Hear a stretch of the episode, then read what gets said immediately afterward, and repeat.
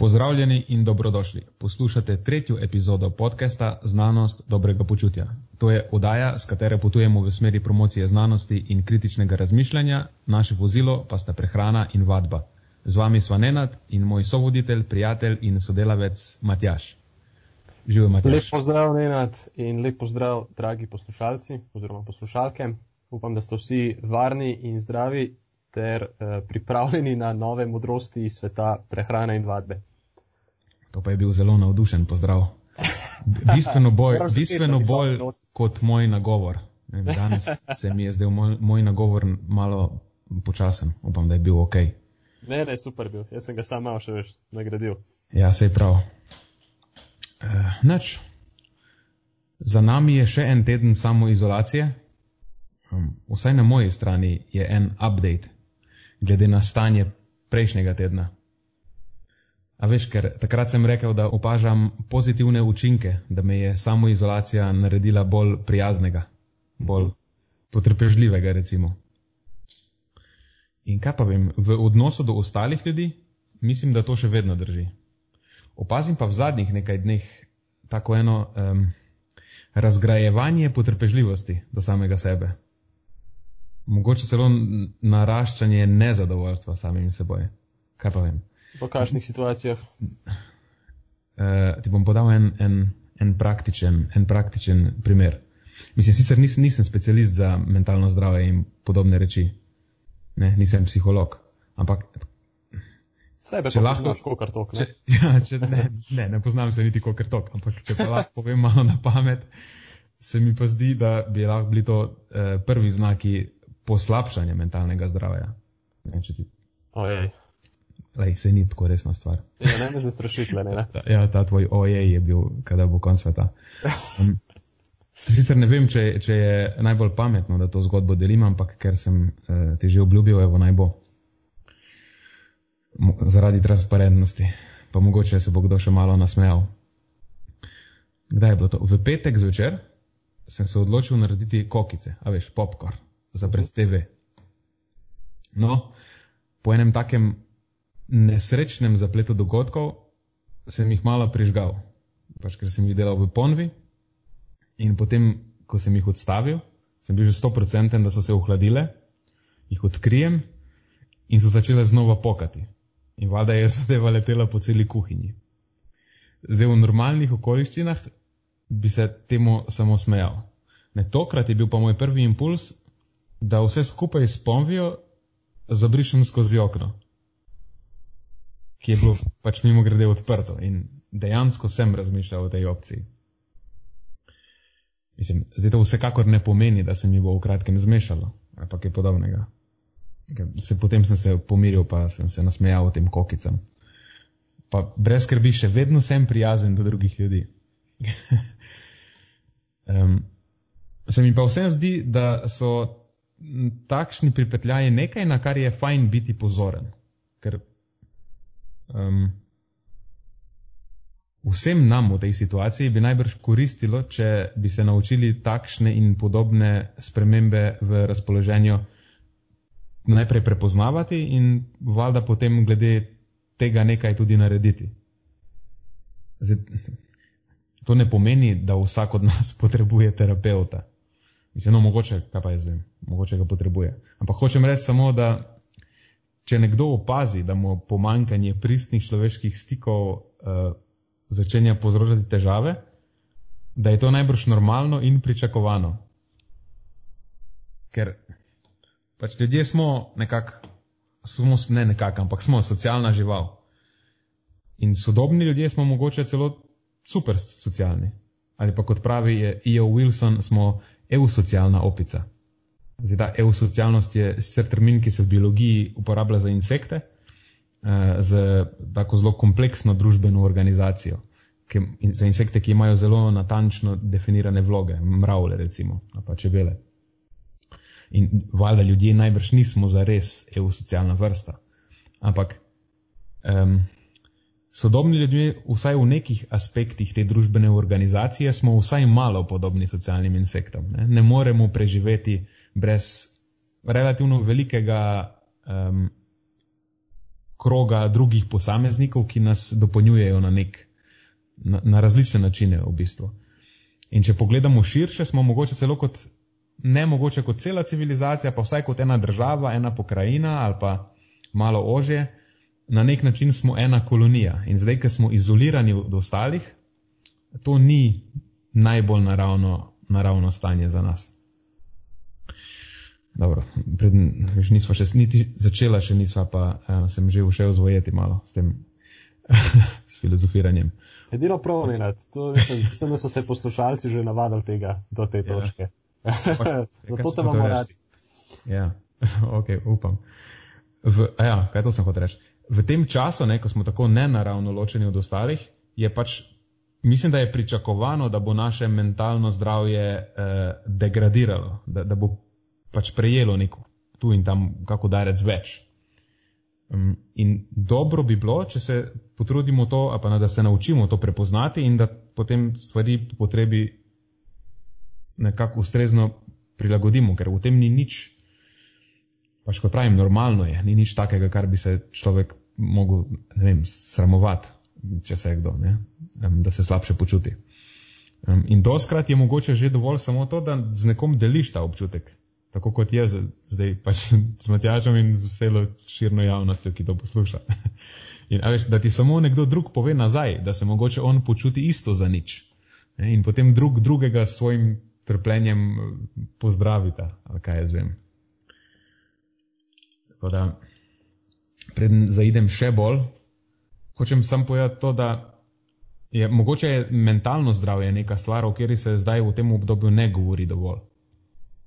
Mislim, mogoče se ga tu in tam celo, se najbrž se ga tu in tam omenja, pa se pojavljajo neke eh, reklame, oziroma niso to glih reklame, ampak obvestila, da je možno nekoga poklicati, da se je možno ne, prijaviti na nek ta um, sestanek z nekom, ki ti pomaga. Ampak vsem me zanima, če je res nekdo te stvari tako zares, zares uštev v to enačbo in če se tudi v praksi dela kaj na tem, malo bolj proaktivno, kot mogoče samo to, da objaviš obvestilo, da če imaš težavo, lahko pokličeš eno X osebo, ki je ne poznaš. Nisem zihar, da se večina potem odloči dejansko za ta klic. Oziroma niti nisem zihar, da klic k neki osebi, ki je dejansko spoh ne poznaš, je dejansko koristen. Um, tako da, mogoče en tak moj nač, to samo.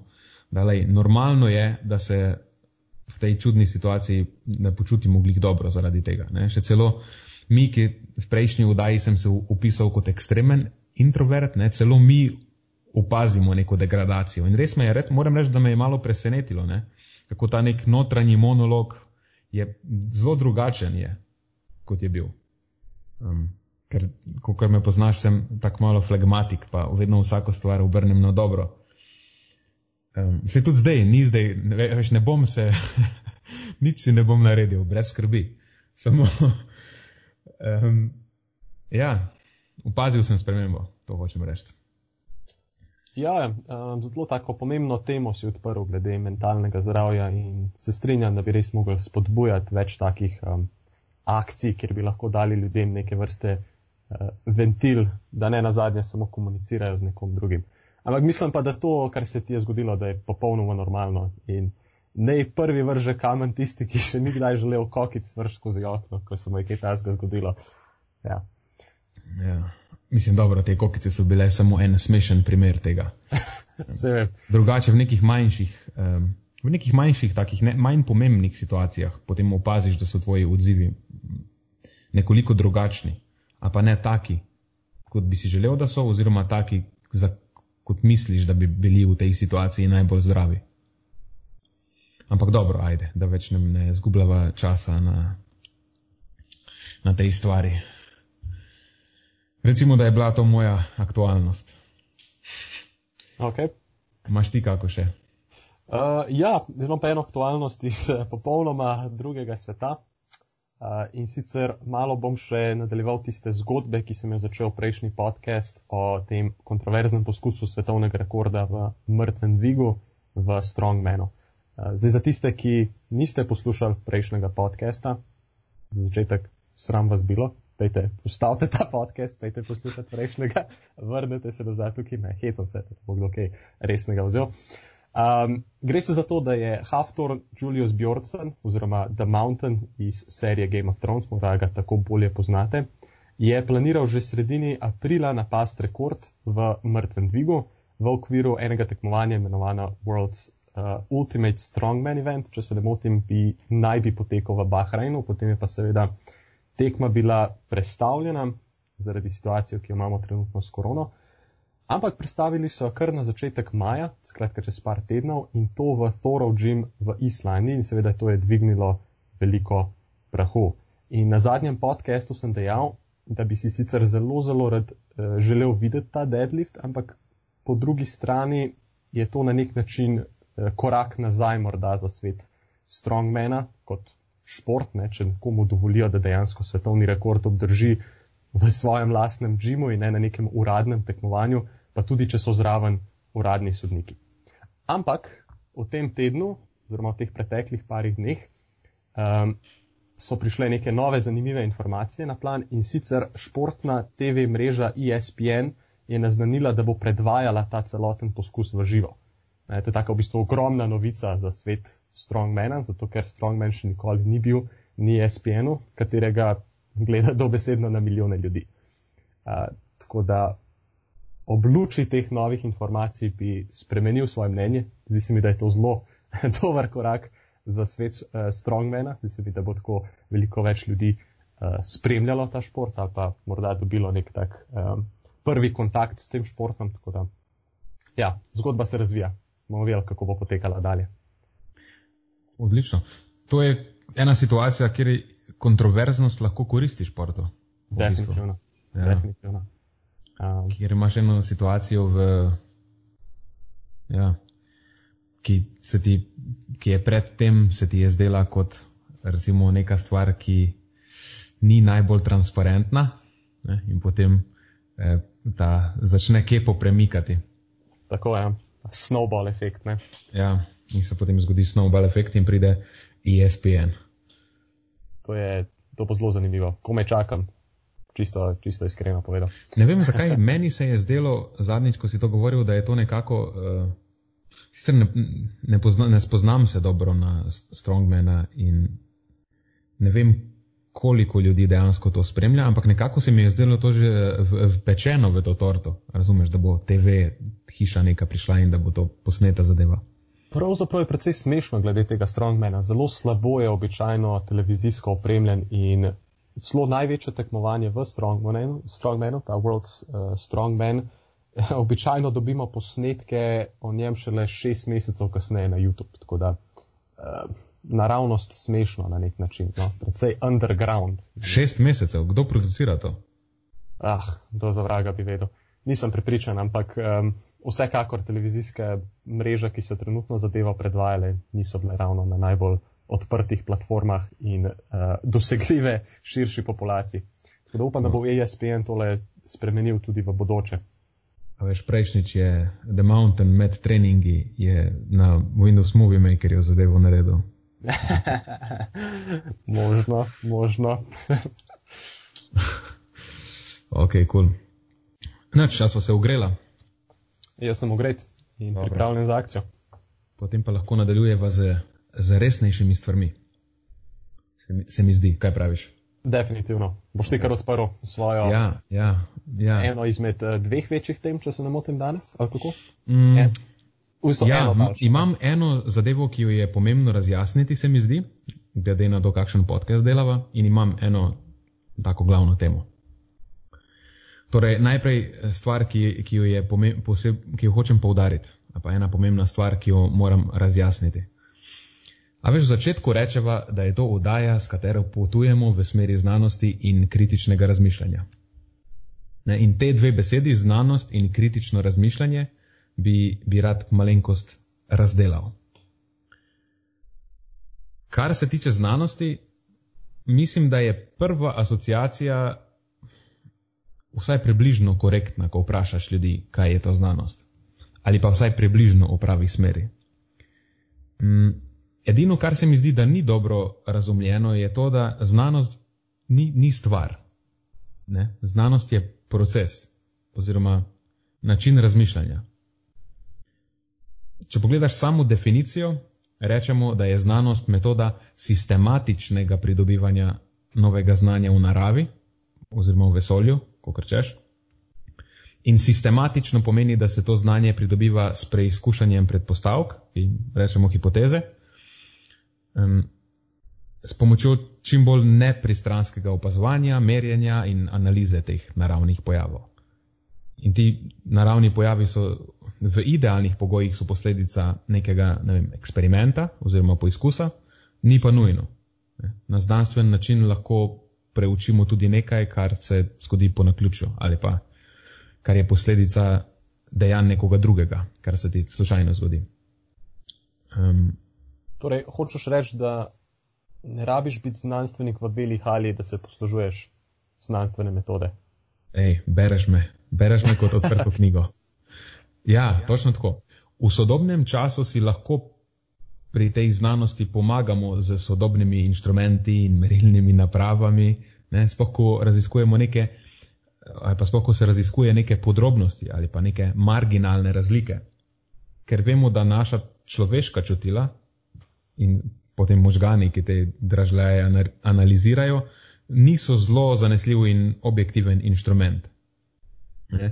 Um, In v osnovi ti sodobni inštrumenti in vsa ta visoko razvita tehnologija ni, ni predpogoj za izvajanje znanosti oziroma znanstvene metode, ker v preteklosti so očitno znanost izvajali brez teh sodobnih inštrumentov. Ne? In sodobna tehnologija, ki jo imamo danes, je plod raziskovanja na nekem precej višjem, mislim, na precej nižjem nivoju. In rea, mislim, realno znanstveno metodo lahko izvajaš pa vsem go. Ne? Edini predpogoj je, da, da se pol zavedaš omejitev te situacije. Če veš, da si gov in nimaš natančnih instrumentov, si, si pač s tem omejen in moraš na tak način pridobljene podatke, pač ustrezno jih moraš ovrednotiti. In po domače to pomeni, da, da moraš kritično razmišljati glede teh podatkov.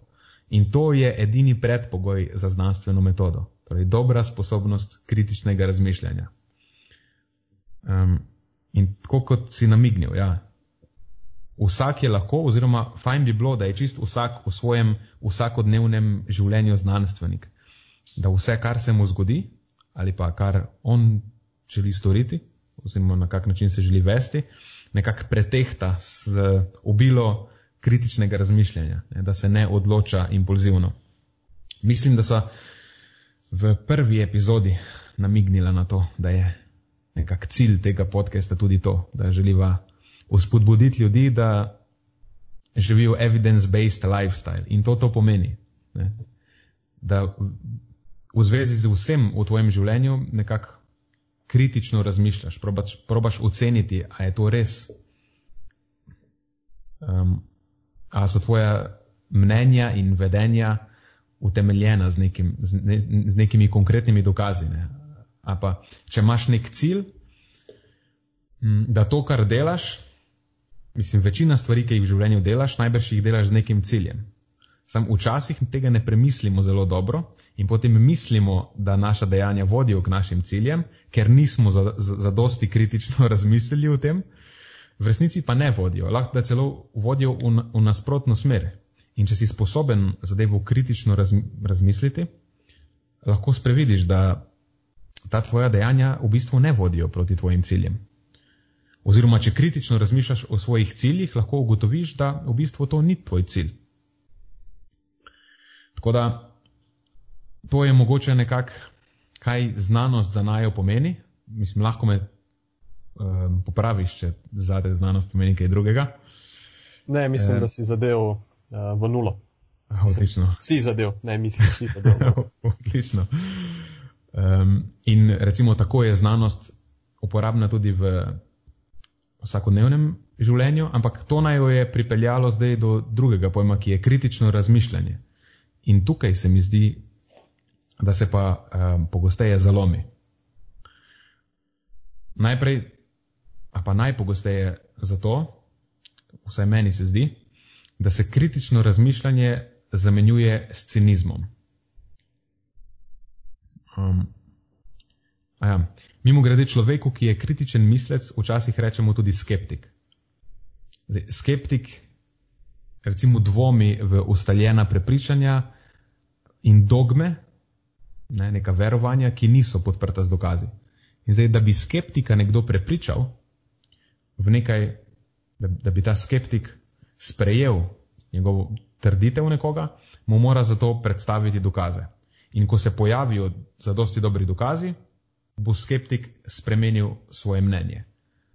Torej, človeka, ki razmišlja kritično, imenujemo skeptik. Biti cinik pa je nekaj povsem drugega. Cinik ponavadi ne verjame stvarem zato, ker, pa, ker predvideva, da imajo drugi ljudje vedno slabe namene, oziroma da imajo pač neke namene, da ga hočejo po domače nategniti. In biti cinik nima apsolutno nobene veze s kritičnim razmišljanjem ali z dokazi. Cinik pač nečemu oporeka zato, ker verjame v nekaj drugega. Ne? Nima nobenih dokazov za to in dokazi ga niti ne zanimajo. On pač verjame.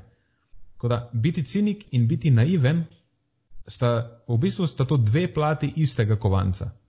Niti eden, niti drug ni sposoben kritičnega razmišljanja. In zdaj, zakaj je to zanimivo? Ta cinizem ali pa cinike lahko dnevno spremljaš v živo na svojem Facebook feedu. Vsakih ima vsaj nekaj, 100%. Ne? Zdaj tam imaš, spoh v tem obdobju, imaš cel kup ljudi, ki dnevno delijo vsebine o tem, kako nas ne, države ali pa neke inštitucije zavajajo v ne raznih. Na 5G. Ja, in, da, razne teorije zarote in Bog si ga vedi, um, kaj vse te vsebine namigujejo. In s tem, kao oni izkazujejo svojo kritičnost do trenutnega stanja. Ne, oni sami sebe mogoče celo dojemajo, kot da kritično razmišljajo o trenutnem stanju. Ampak v resnici so samo ciniki, ker velika večina vsebin, ki jih delijo, je nepreverjena in najbrž tudi napačna.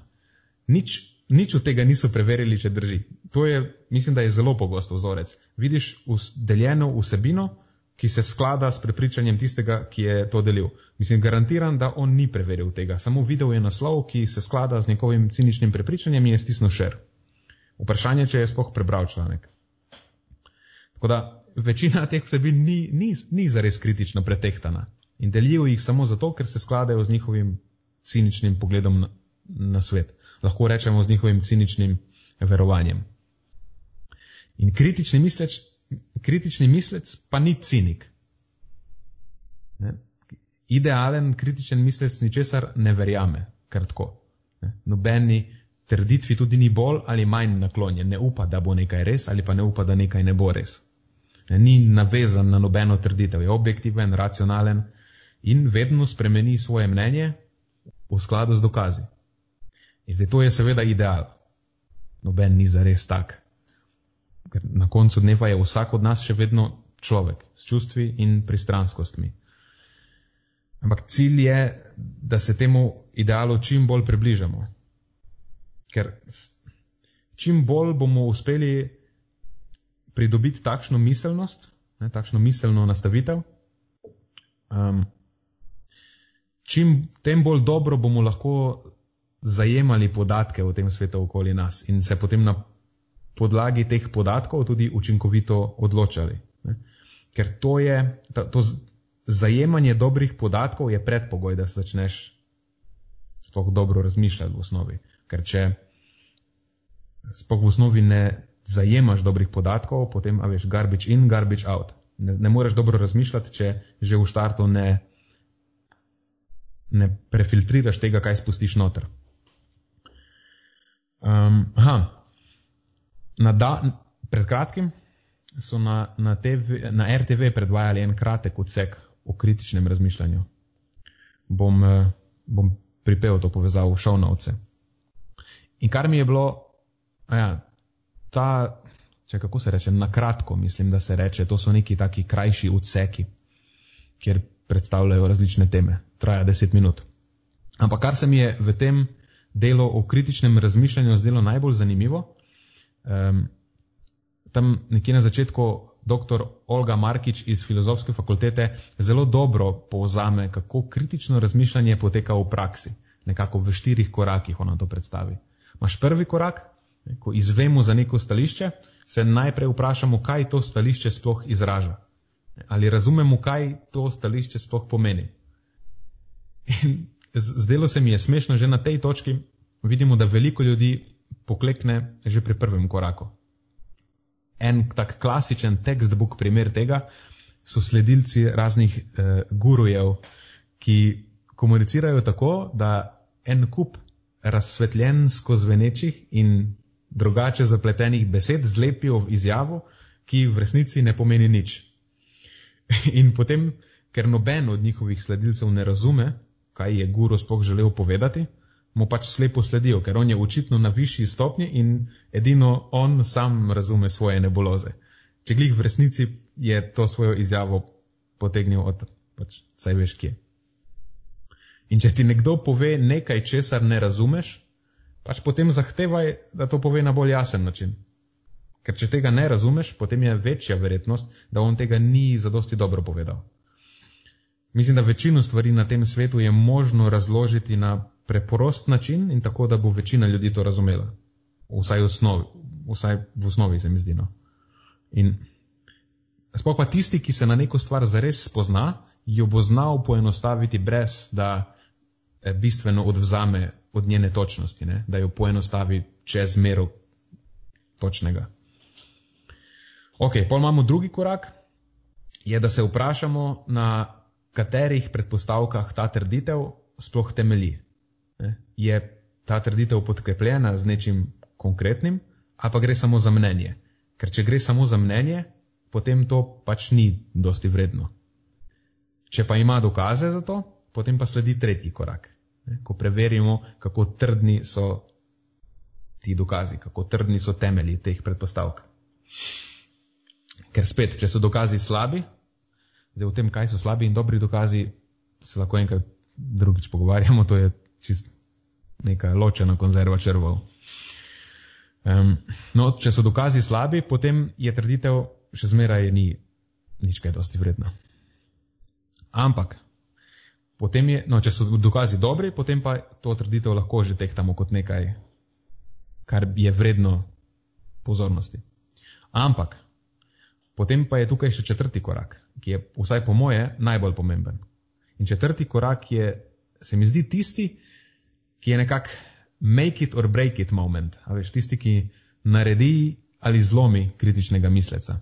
In četrti korak je ta, da dejansko preverimo, ali obstajajo proti dokazi, ki to stališče načenjajo, ali pa ga celo popolnoma porušijo. In proti dokaz je dejansko zlati standard kritičnega razmišljanja, ker samo en dober proti dokaz ti lahko podreša tako pazljivo dizajnirano in konstruirano trditev, ki ni, a veš, ni, ki je v resnici napačna, ampak si ti pazil, kako sestavljaš zadeve okoli nje. Če pride samo en dober protidokaz, se zadeva sesuje kot hišica iz kart. En tak primer je recimo v prehrani inzulinska hipoteza debelosti. Ne? Dobili smo en dokaz in zadeva se je čisto razsula. Potem so, prišli, potem so prišli še naslednji, ki so pač samo dodatno te karte razmetali vse naokoli. In zdaj vemo, da ni inzulin tisti, ki je kriv za debelost. Tako da, če povzamemo vse te štiri korake, kritično razmišljanje se lahko zgodi, ko smo sposobni stvar, stvar pogledati iz, in oceniti iz distance, s čim manj pristranskosti in neke čustvene navezanosti na izid, in pa zadevo preveriti iz več zornih kotov. Plus bonus točke, zares rigorozen mislec ni samo tisti, ki je odprt za potencijalne nove dokaze, ki mu jih servira nekdo drug, ampak, je, um, ampak dejansko aktivno išče proti dokaze. Pa to ne le za stališča drugih ljudi, ampak tudi ali pa predvsem za svoja lastna stališča. In ja, mislim, da je to še en uh, pogosto spregledan, ampak ključen, ključen detajl da kritično razmišljanje ni samo, ni navzven naravnano. Veš, kritično ne razmišljaš, ne razmišljaš najprej kritično o trditvah drugih ljudi, ampak je glih obratno. Kritično razmišljanje je navznoter na, na naravnano. Um, vsak mora začeti pri sebi. In to je moja definicija kritičnega razmišljanja. Mislim, ne vem, če je čist moja, ampak pač na podlagi vsega, kar sem do sedaj slišal, se je pojavilo v moji glavi. Um, Nek kompozit je mišljenje ostalih ljudi najbrž. Um, da je v bistvu kritično razmišljanje je aktivno in radikalno iskanje zmot v lastnih mnenjih in prepričanjih. Ne? Um, Zdaj ne, da bi pihal v svoj rok na tej točki, ampak eh, na nek način smo to, zelo ravno o tem smo se na prejšnjem podkastu pogovarjali. Um, takrat, ko sem omenil to temo o, o beta-laninu, samo tak, čist banalen primer. Ja, recimo, um, to je zelo dober primer. Tako. Ja, je, jaz sem bil prepričan še ne dolgo časa nazaj, da je beta-lanin, da mislim, bil sem mnenja, da na podlagi tega, kako beta-lanin deluje, da mora zagotovo vsaj v neki marginalni meri pomagati pri boljši hipertrofiji oziroma boljši telesni sestavi tekom uh, nekega režima vadbe z bremeni. Ampak, če mogoče raziščemo malo druge, ne, takrat so se pogovarjala o raziskavah na temo treninga do mišične odpovedi in kako mišična odpoved načeloma ne samo, da ni potrebna, je lahko celo um, kontraproduktivna potem na podlagi tega morda beta in dejansko ni, eh, ne, ne obeta tega potencijala, ki ga ima morda še ta trenutek. Ampak bomo videli. Ja, in sej vsa področja, vsaj pre, mislim, na splošno znanosti, ampak predvsem prehranske znanosti, ker vemo, da je še mnogo tega neraziskanega, so taka, da se proces je, zadeva se spreminja in se razvija. In ja, dejansko so neke stvari, ki se v v nekem trenutku se zdijo kot zelo zagotove, po pa se privali tista ena krogla in razbije celo stvar. Od oskrat celo tako nepričakovano. Ali pa mogoče je, mogoče celo obstaja en kup dokazov, ki kaže v eni smeri, pa se potem vseeno lahko pojavi ena stvar, ki jo spet rasuje. Definitivno. Ja. Tako da, evo, upam, da mi je uspelo nekako povzeti, kaj si pri nas predstavljamo kot kritično razmišljanje in da se kritično razmišljanje začne najprej pri nas samih in potem, šele potem lahko kritično razmišljanje uporabimo tudi za tehtanje in ocenjevanje trditev nekoga drugega, pa, ki prihajajo iz zunanjega sveta. Definitivno. Tako. Ja. Tako. Nenad vam je serviral življenjske modrosti. Ja, jaz vam bom pa povedal nekaj o treniranju zadnice. Skratka, o, to je skrbim, odličen, odličen shift, nimaš kaj. Jaz, jaz skrbim za to, da je podcast uravnotežen. uh, želel sem vam predstaviti nekaj rezultatov iz uh, nedavnega sistematičnega pregleda literature, narejenega strani avtorjev Neto in sodelavci, uh, v katerem so ugotavljali, katera vaja producira največjo aktivacijo, ten, ten, ten, gluteus maximusa. Naslov članka je Gluteus maximus activation during common strength and hypertrophy exercises, a systematic review. Uh, skratka, zelo aktualen članek. Ne, če malo prebrskate svoj Facebook in Instagram feed, vsi si ta trenutek želijo večje zadnice, uh, še posebej jaz in pa Nenad ker smo se pogovarjali pred začetkom snemanja te epizode.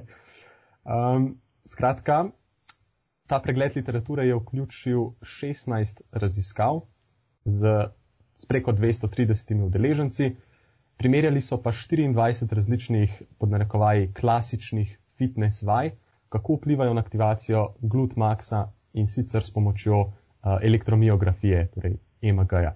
Zdaj, glavne omejitve te raziskave seveda izhajajo že iz same te EMG metode, kamor tudi dejstva, da je praktično nemogoče standardizirati meritve skozi vse te raziskave, ker se med drugim tudi nanaša na relativno obremenitev posameznika.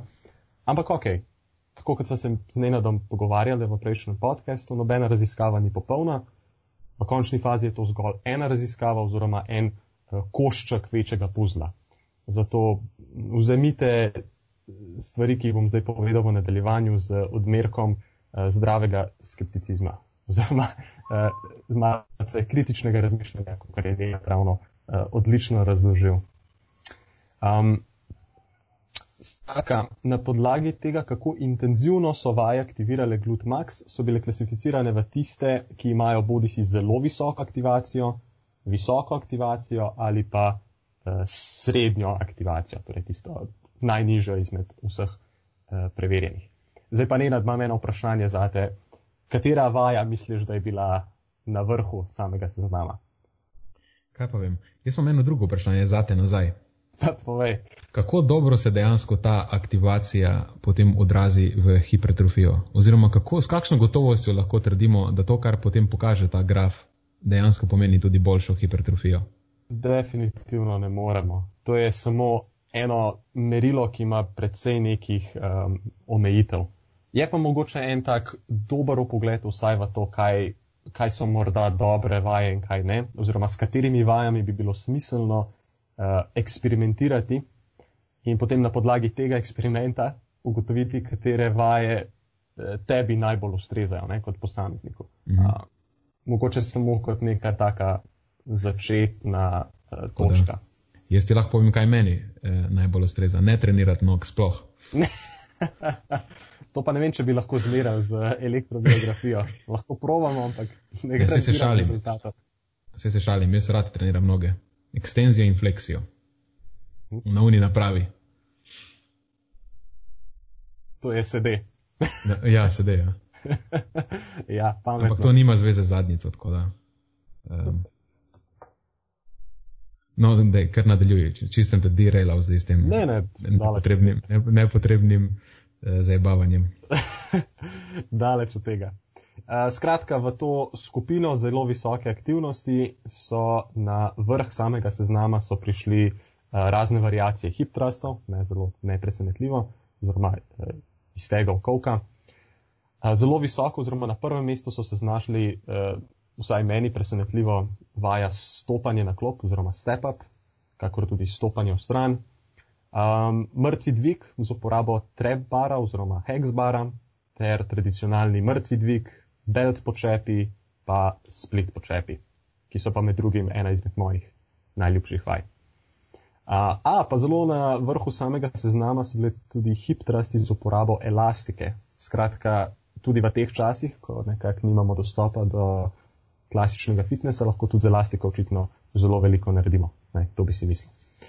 Uh, v to drugo skupino, visoke aktivnosti, ampak ne najviše aktivnosti, uh, se znajde paralelni počep, prednji čep, uh, mrtvi dvig na stegnjene noge, pa še neka variacija hip trusta, ne, fit away hip trust, niti iskreno ne poznam.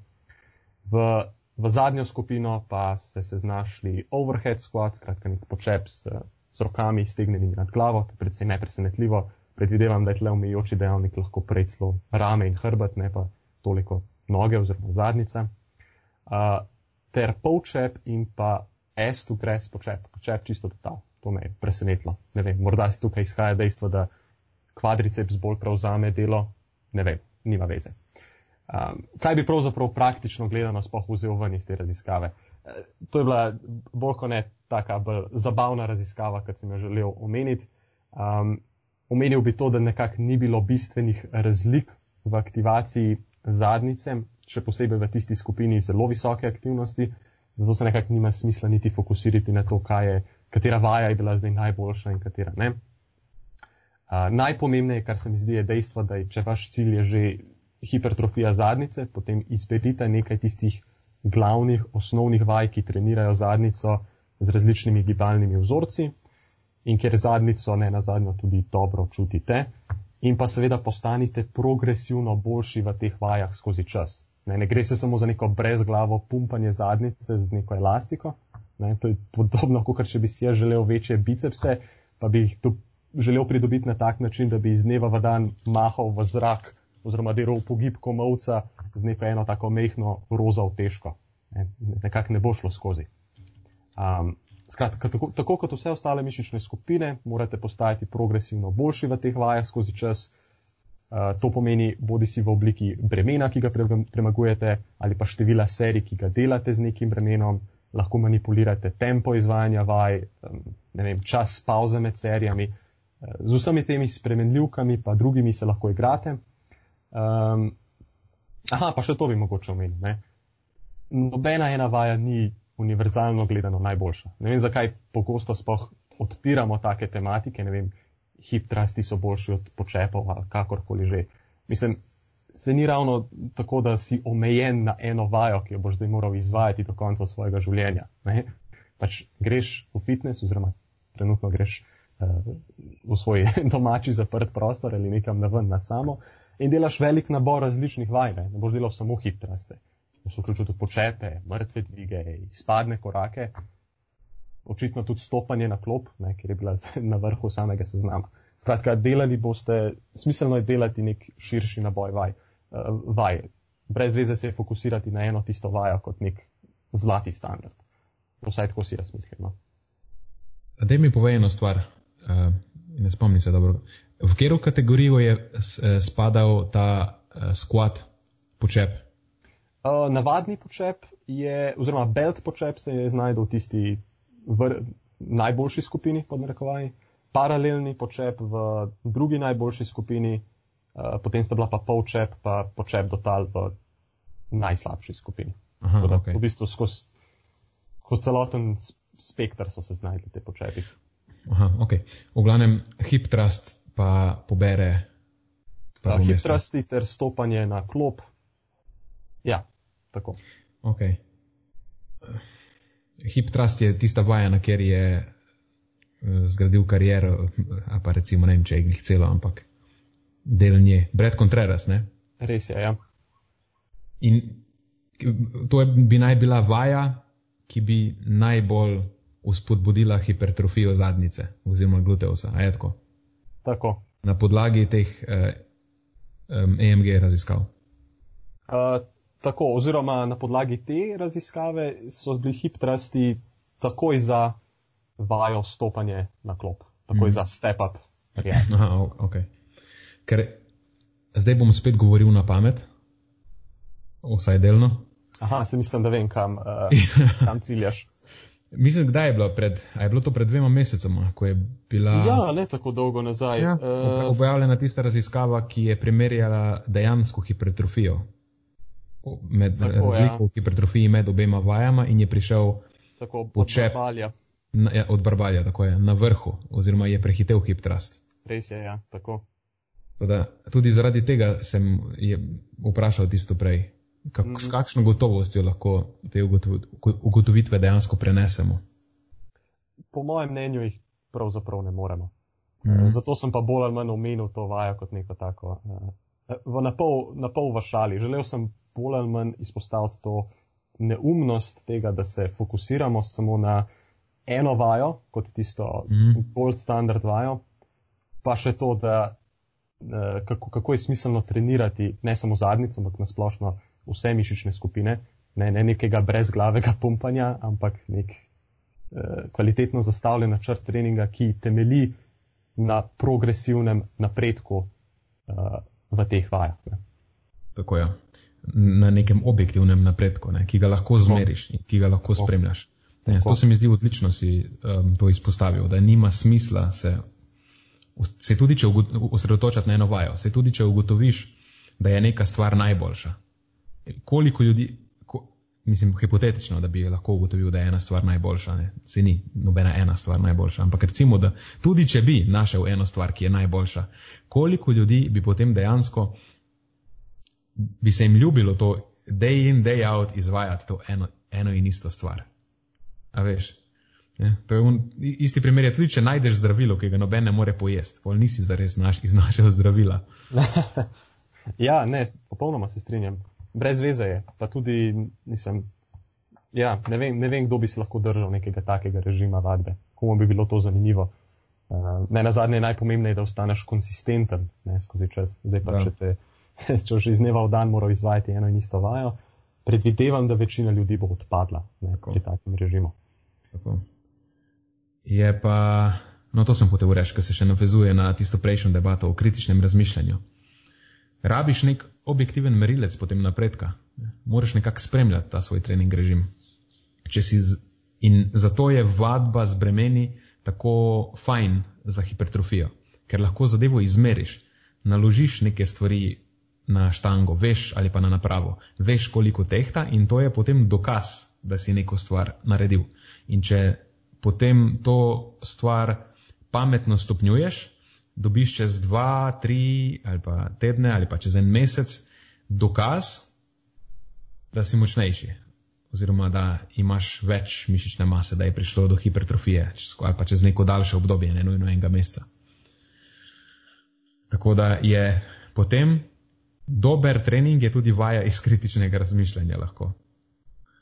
Ker v, sploh, ko govorimo o telesni podobi in teh stvarih, ali pa o treningu, se ne rabi biti eh, telesna podoba, lahko je tudi neki drugi športni rezultati so.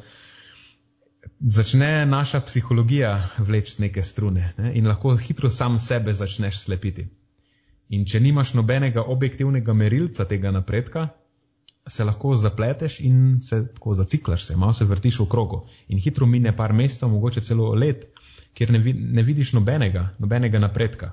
In ne vidiš ga logično, zato ker z ničemer objektivnim nisi izmeril te svoje poti. In v bistvu ne napreduješ, misliš si samo, da napreduješ.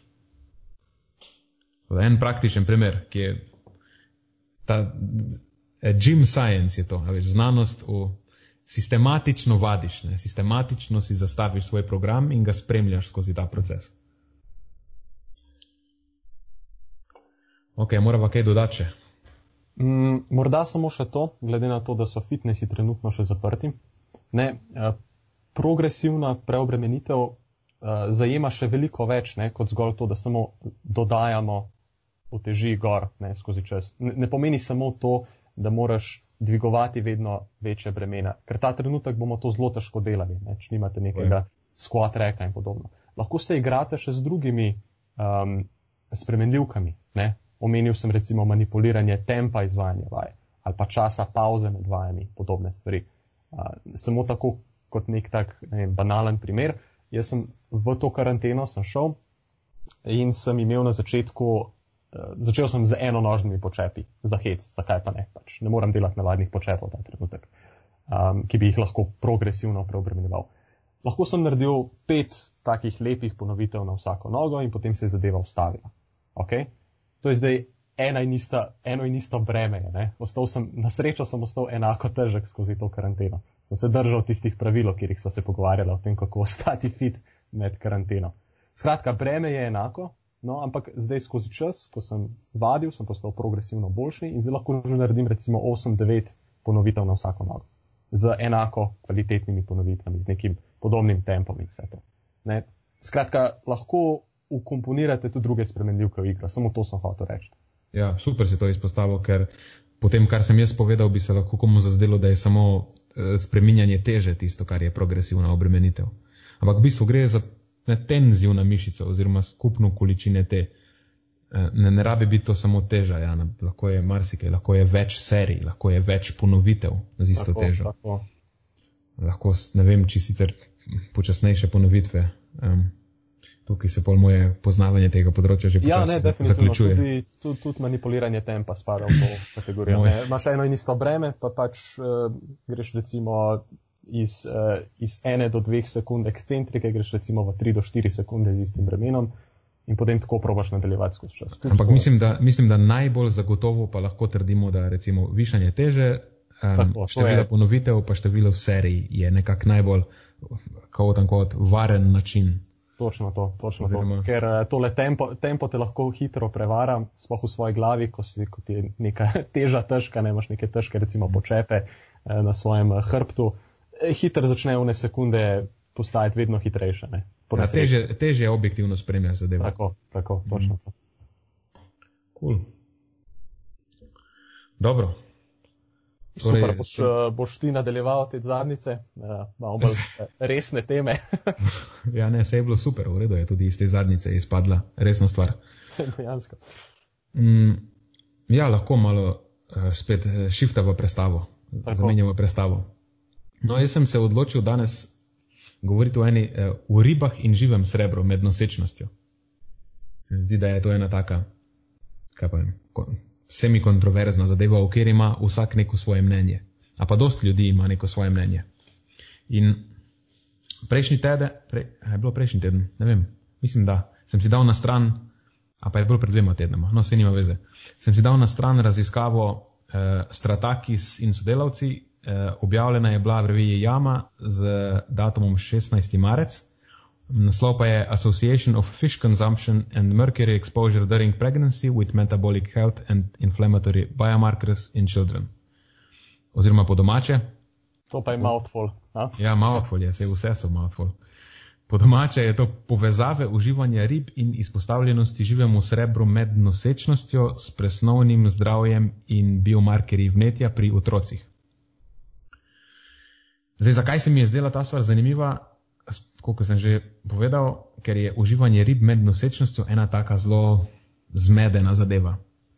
Po eni strani jih pri, se jih priporoča iz večjih vzrokov, ker so nasplošno skupina živil s kar nekaj dobro potrjenimi ugodnimi učinki, potem pa po drugi strani se pred njimi tudi svari, ker so svetovna morja onesnažena, je lahko morska hrana vir toksikantov in med njimi se predvsem izpostavlja živo srebro. Za živo srebro vemo, da je kumulativni toksikant. Kumulativni pomeni, da se kopiči. In to pomeni, da zaradi tega lahko tudi ne zelo visoki odmerki čez čas povzročijo težave. Če se jih uspe malo po malo v telesu nabrati dovolj, lahko presežejo to mejo toksičnosti postanejo, postanejo strupeni. Najboljše zabeleženi primeri tega so ob kakšnih katastrofah ali pa nesrečah, naprimer razlitje onesnaževalcev v vodo in potem bioakumulacija teh onesnaževalcev v tkivih rib in morskih sadežev, ki jih potem redno uživa prebivalstvo tistega območja in potem pri tem prebivalstvu se začnejo pojavljati težave. Še en bolj znan primer tega pa je iz Iraka, mislim, da iz 70-ih let. Um, takrat se je tam v prehranski verigi pojavila pšenica, ki je bila obdelana z veliko količino živega srebra. Mislim, da zaradi nekega fungicida, ki so ga uporabljali. In to je valjda povzročilo veliko breme tega živega srebra na, na prebivalstvo in pač to je za zdravje zelo slaba stvar. Zdaj, najbolj znan učinek živega srebra je, da je, da je neurotoksikant. Pomeni, da je toksičen, um, strupen za, za živčni sistem in možgane. To je v bistvu ta um, prefiks ne, nevro pomeni. Um, in to je lahko zelo velik problem, še posebno med razvojem. To je v nosečnosti in v zgodnjem otroštvu ker takrat se živčni sistem še postavlja in ima lahko uh, živo srebro zelo hude negativne učinke. Bistveno bolj hude, kot recimo enkrat, ko že, ko je ta zadeva že postavljena. Lahko pride recimo tudi do cerebralne paralize in takih podobnih zelo hudih okvar možganov in živčevja ali pa do, do kognitivnih uh, okvar. Cognitive, cognitive impairment je beseda, ki se uporablja v literaturi. Mislim, da je duševna prizadetost, slovenski ekvivalent. No, poleg teh škodljivih učinkov na možgane in živčevje, pa ima živo srebro očitno tudi negativne učinke na, na, na splošno presnovno zdravje. Višja izpostavljenost živemu srebru je povezana s slabšimi kardiometabolnimi markerji, torej um, kazalci presnovnega in srčno-žilnega zdravja. In to ni samo pri otrocih, ampak dejansko tudi, tudi pri odraslih so te povezave opažene. Ampak, velika ampak tu govorimo o živem srebru, ne o ribah, ker ribe in živo srebro nista sinonima, niti približno.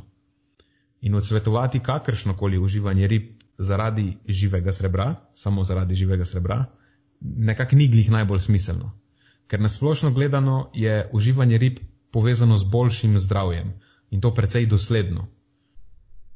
Imamo povezave tako z boljšim zdravjem možganov, kot tudi srca in ožilja in pač splošno, splošnim presnovnim zdravjem. Zakaj točno ne vemo, sumimo nekako, da je večina teh koristi najbrž na račun tega, da so ribe edini za res dober vir esencialnih omega-3 maščobnih kislin. In zadosten vir teh je ključen za ohranjanje dobrega zdravja možganov, srca in ožilja in presnove. Pač, da ne zgubljamo preveč časa na teh omega-3, lahko poveva samo, da gre za zelo pomembno hranilo, ki ga drugje težko ali pa ga spoh ne moreš najti v zadostih količinah. In zaradi tega za večino odraslih koristi uživanja rib daleč od teh, da je vse potencijalno neugodne posledice.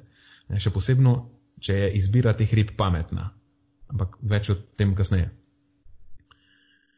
No, v nosečnosti pa je uživanje rib dejansko precejšnja dilema. Najprej, povprečju ribe in, in morski sadeži, kot skupina živil, vsi skupaj, vsebujejo nekaj živega srebra. Najbrž res nekoliko več kot ostale pogosteje uživane skupine živil. In za živo, smo, za živo srebro smo rekli, da je kumulativni toksikant, predvsem neurotoksikant in da se razvijajoč zarod, um, da je razvijajoč zarod na te učinke bolj občutljiv. Ampak po drugi strani so pa potem ribe tudi vir omega-3 maščobnih kislin, ki so pa zelo pomembne za otrokov razvoj in nekako koristne so za njegovo zdravje. Mislim, ne res. Zadosti omega-3 je zelo pomembno za otrokov razvoj. Ne nekako, ampak dejansko je zelo pomemben za otrokov razvoj. Tako da obstaja dilema in dejansko je precej težko dobiti, dobiti dober, dober odgovor o tem. Zato nekako se mi je zdelo, se mi je smiselno, da pogledamo, kaj točno ugotavlja ta raziskava Stratakis in sodelavcev, ker je um, boljša, recimo, od, od večine prejšnjih na tem področju. In pa bomo še naredili en tak hiter pregled literature na to temo.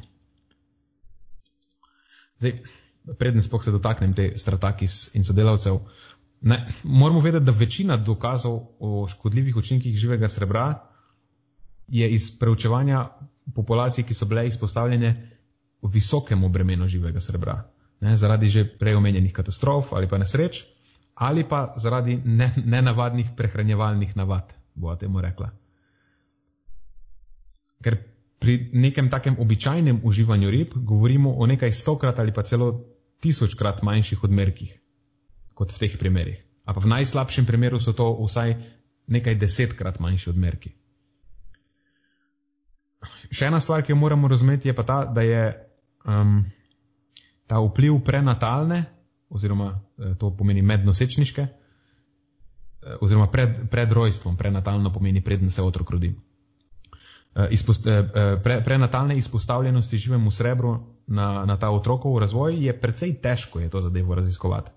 Ker najprej moraš zbirati podatke med nosečnostjo, še boljše, če jih tudi pred nosečnostjo, in potem moraš, ko se otrok rodi, vsaj še nekaj let slediti njegovemu razvoju, idealno vsaj nekaj, veš, prvih nekaj razredov osnovne šole, če te zanima njegov neurorazvoj, um, torej razvoj možganov, moraš dejansko ugotoviti, kako se, kako se potem ta otrok primerja z drugimi otroci, ki pač niso bili izpostavljeni temu bremenu.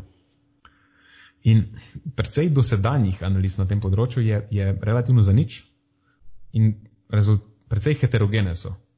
Um, pomeni, da so, da so različne, tako v uporabljenih metodah, pa tudi v končnih rezultatih ker imaš vel, velike raziskave, recimo med longitudinalnimi raziskavami in presečnimi raziskavami.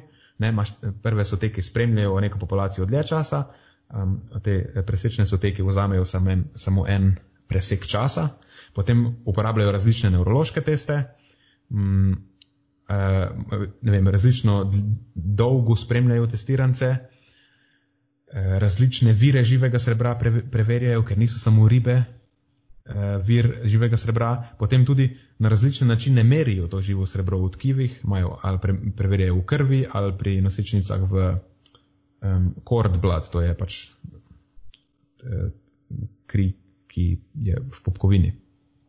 In v laseh, da vse to potem vpliva na končen, končen, končen rezultat.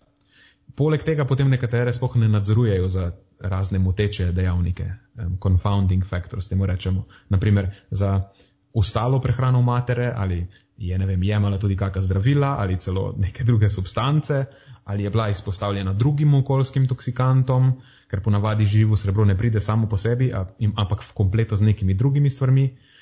Um, kako stabilno je bilo njeno okolje, kakšne so bile njene socioekonomske razmere, vse to lahko drastično spremeni ali pa vpliva na razvoj otroka, na njegovo zdravje, pa potem tudi seveda na akademski in ta šolski uspeh.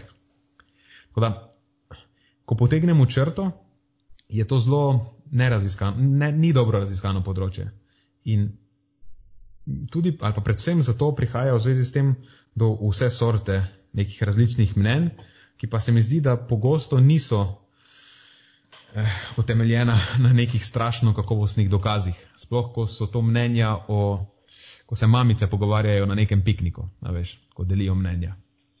In tudi zato me je ta raziskava nekako pritegnila, ker, sem, ker mi je bilo takoj, že ko si prebral metode, je bilo jasno, da je malo bolj tesna od večine dosedanjih na tem področju.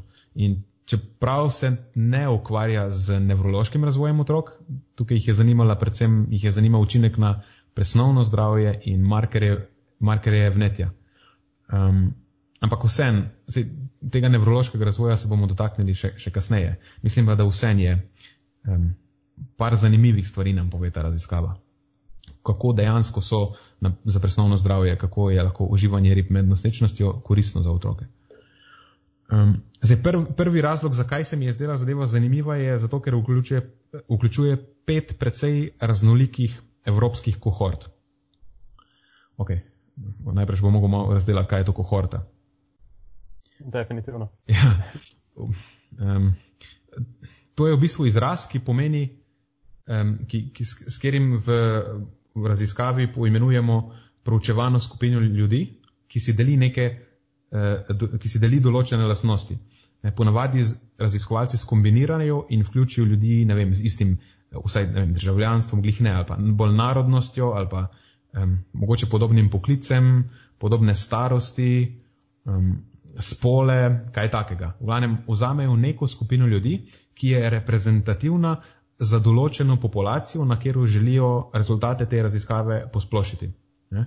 Ker to pomeni potem, da bodo rezultati te raziskave, eh, lahko jih bodo z večjo gotovostjo posplošili na vse ljudi, ki imajo te lastnosti. Čist, če dava en tak skrajni primer, skoraj karikatura, če imamo raziskavo, če imamo v raziskavo vključeno recimo kohorto mladih azijskih moških, starih med 20 in 30 let, potem rezultatov te raziskave ne bomo mogli posplošiti na vem, evropske babice, stare med 70 in 80 let. Ne? Ker to so rezultati japonskih mladih moških in z največjo gotovostjo veljajo za njih. Za vse ostale nismo glih, nismo glih sigurni, da bodo tudi veljali. Spet odvisno, ne, kako raznovrstna je bila ta kohorta, kako potem daleč lahko te rezultate posplošimo, ampak načeloma najbolj veljajo za tisto skupino ljudi s tistimi lastnostmi, na katerih smo preučevali to stvar. No, v glavnem v našem primeru je ta raziskava vključila šest evropskih kohort, Born in Bradford, to je eh, britanska, Eden, to je kratica za neko francosko stvar iz Francije, INMA, spet neka španska kratica za kohorto v Španiji, Norwegian Mother, Father in Child iz Norveške in uh, Ria Mother Child je pa grška kohorta. In te kohorte so spremljali med 2003 in 2016, vključenih je bilo 805 mater, pač njihovih otrok, ki so jih spremljali od nosečnosti pa do starosti nekje med 6 in 12 let. In v tem času so jim red, na rednih pregledih jim odzemali vzorce krvi, pa merili so telesno sestavo.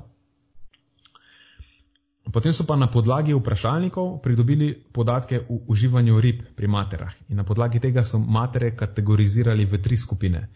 Na nizek vnos rib, ki so jedle ribe manj kot enkrat na teden, recimo manj kot eno porcijo na teden, na srednji vnos rib, na tiste, ki so jedle med ena do tri porcijami rib na teden, in pa na visok vnos rib, ki je bil pa več kot tri porcije rib na teden.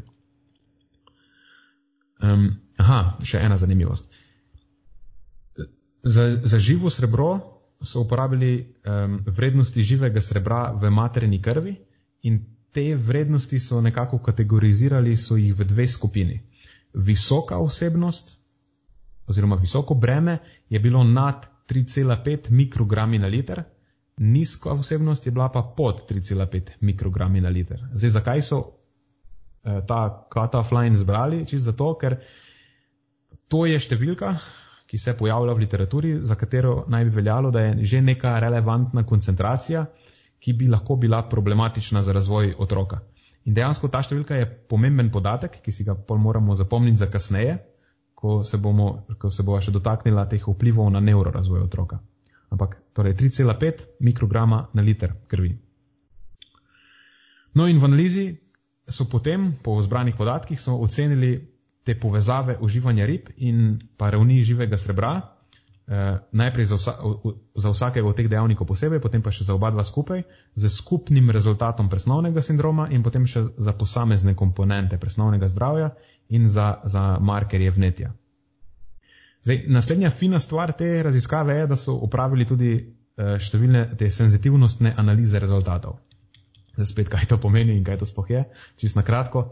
Senzitivnostna analiza je, je um, metoda, ki se uporabi za določanje pa za ugotavljanje robustnosti rezultatov. Z njo poskušajo ugotoviti, ali lahko na rezultat v preveliki meri vplivajo še kakšni drugi dejavniki.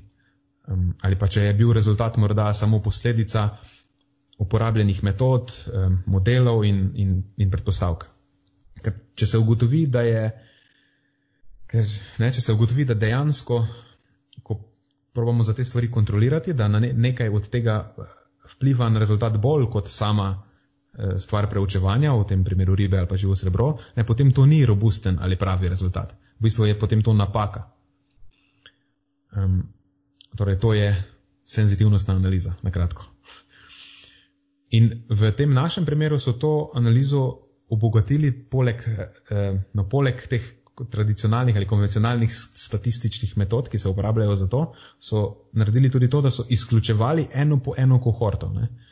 In so preostale podatke ponovno analizirali. Vzeli so eno ven in so izvedli analizo ponovno. In potem so jo dali nazaj noter in so vzeli drugo ven in izvedli analizo ponovno. In s tem so pokazali, da učinek ne visi, v rekovajih, na samo eni kohorti, ampak da je podoben pri vseh vključenih kohortah. Torej, da gre za nek ne, pravi rezultat, ki je um, dokaj podoben na vseh opazovanih skupinah. Ne, ker če bi recimo ob izključitvi ene opazili, da se zadeva drastično spremeni, bi, bo, bi bil to znak, da gre za vpliv nekega drugega dejavnika, ki je mogoče eh, posebno značilen samo za tisto kohorto. Recimo, vem, da bi ugotovili ful negativen učinek uživanja rib, lahko da, a veš, tiste matere uživajo neke fulno nesnažene ribe in je samo njihov rezultat spremenil ta, ta učinek. Tako da v teh primerih so bili rezultati precej podobni za vse kohorte. No, poleg tega pa so seveda pol še um, preverili, ali na učinek morda bistveno vplivajo tudi izobrazba matere, gestacijski diabetes, spol otroka. To so bili tudi dejavniki, ki so se v nekih prejšnjih uh, raziskavah izkazali kot pomembni, ki so modulirali učinek tega uživanja rib.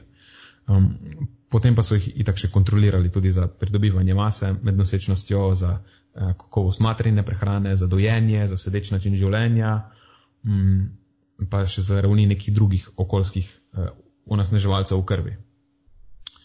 In vse te dodatne analize so v takšnih opazovalnih raziskavah zelo, zelo pomembne, ne? ker marsikaj lahko vpliva na končen rezultat, ko imaš ti ljudi, ki so prosto živeči, se, ne, ki živijo svoje življenje, ki so precej različna.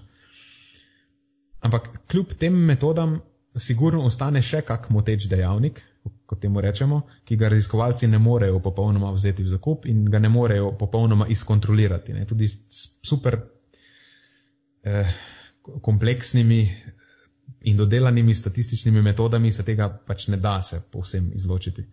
In to je zelo pomembno, da se potem zavedamo teh pomanjkljivosti, ko ocenjujemo samo težo dokazov ene take raziskave. In super je, da se stvar poskuša čim bolj nadzorovati in da se te moteči dejavniki probajo izluščiti, ampak neka mera negostov, negotovosti pa v opazovalnih raziskavah vedno ostaja. Ampak ok, recimo, da v tem primeru vseeno imamo nek precej robusten rezultat in če se zavedamo in upoštevamo potencialnih omejitev te vrstne literature, mislim, da lahko pridemo do nekih precej solidnih zaključkov. Um, torej, najprej v tem primeru je bila um, vsebnosti živega srebra so bile povezane uh, z uživanjem rib z neko zmerno stopnjo. Torej, Pri, ve, pri ženskah z višjim vnosom rib je bila tudi višja verjetnost, da bodo res imele ravni živega srebra v krvi, v krvi ki, so, ki so više od tistih 3,5 mikrogramov na liter. 42 odstotkov žensk z vis, visokim vnosom rib, torej to je več kot 3 porcije na teden, je imelo ravni živega srebra više od 3,5 mikrograme na liter. Ampak tudi 31 odstotkov žensk z nizkim vnosom je imelo ravni živega srebra više od 3,5 mikrograme na liter. In kar je še bolj presenetljivo, da je samo 25 odstotkov žensk z srednjim vnosom imelo ravni višjega, srebra, ravni višjega srebra više od 3,5 mikrogramov. Pomeni, da so une s srednjim vnosom imele nižje ravni ne, v povprečju. In pa srednja izmerjena vrednost vseh skupin skupaj je bila pa 2,5. Razpon je bil od 1,5 do 4,2 mikrograma na liter. In zdaj te številke so zelo zanimive, ker namigujejo, da ravni živega srebra niso odvisne samo od tega, koliko rib je mati uživala, ne, od same količine uživanje rib sicer, ne, količina sicer vpliva na njih, očitno, do neke mere, ampak ta vpliv morajo modulirati še neki drugi dejavniki. Ne. In morda nekateri od teh dejavnikov sploh nimajo nobene povezave z ribami. In ta, ta cela eh, kompleksnost se odraža tudi v rezultatih, ker imamo v populaciji so potem vse sorte kombinacij. So matere z visokim vnosom rib in visokimi ravni živega srebra in so matere z visokim vnosom rib in nizkimi ravni živega srebra. In enako imaš na drugi strani.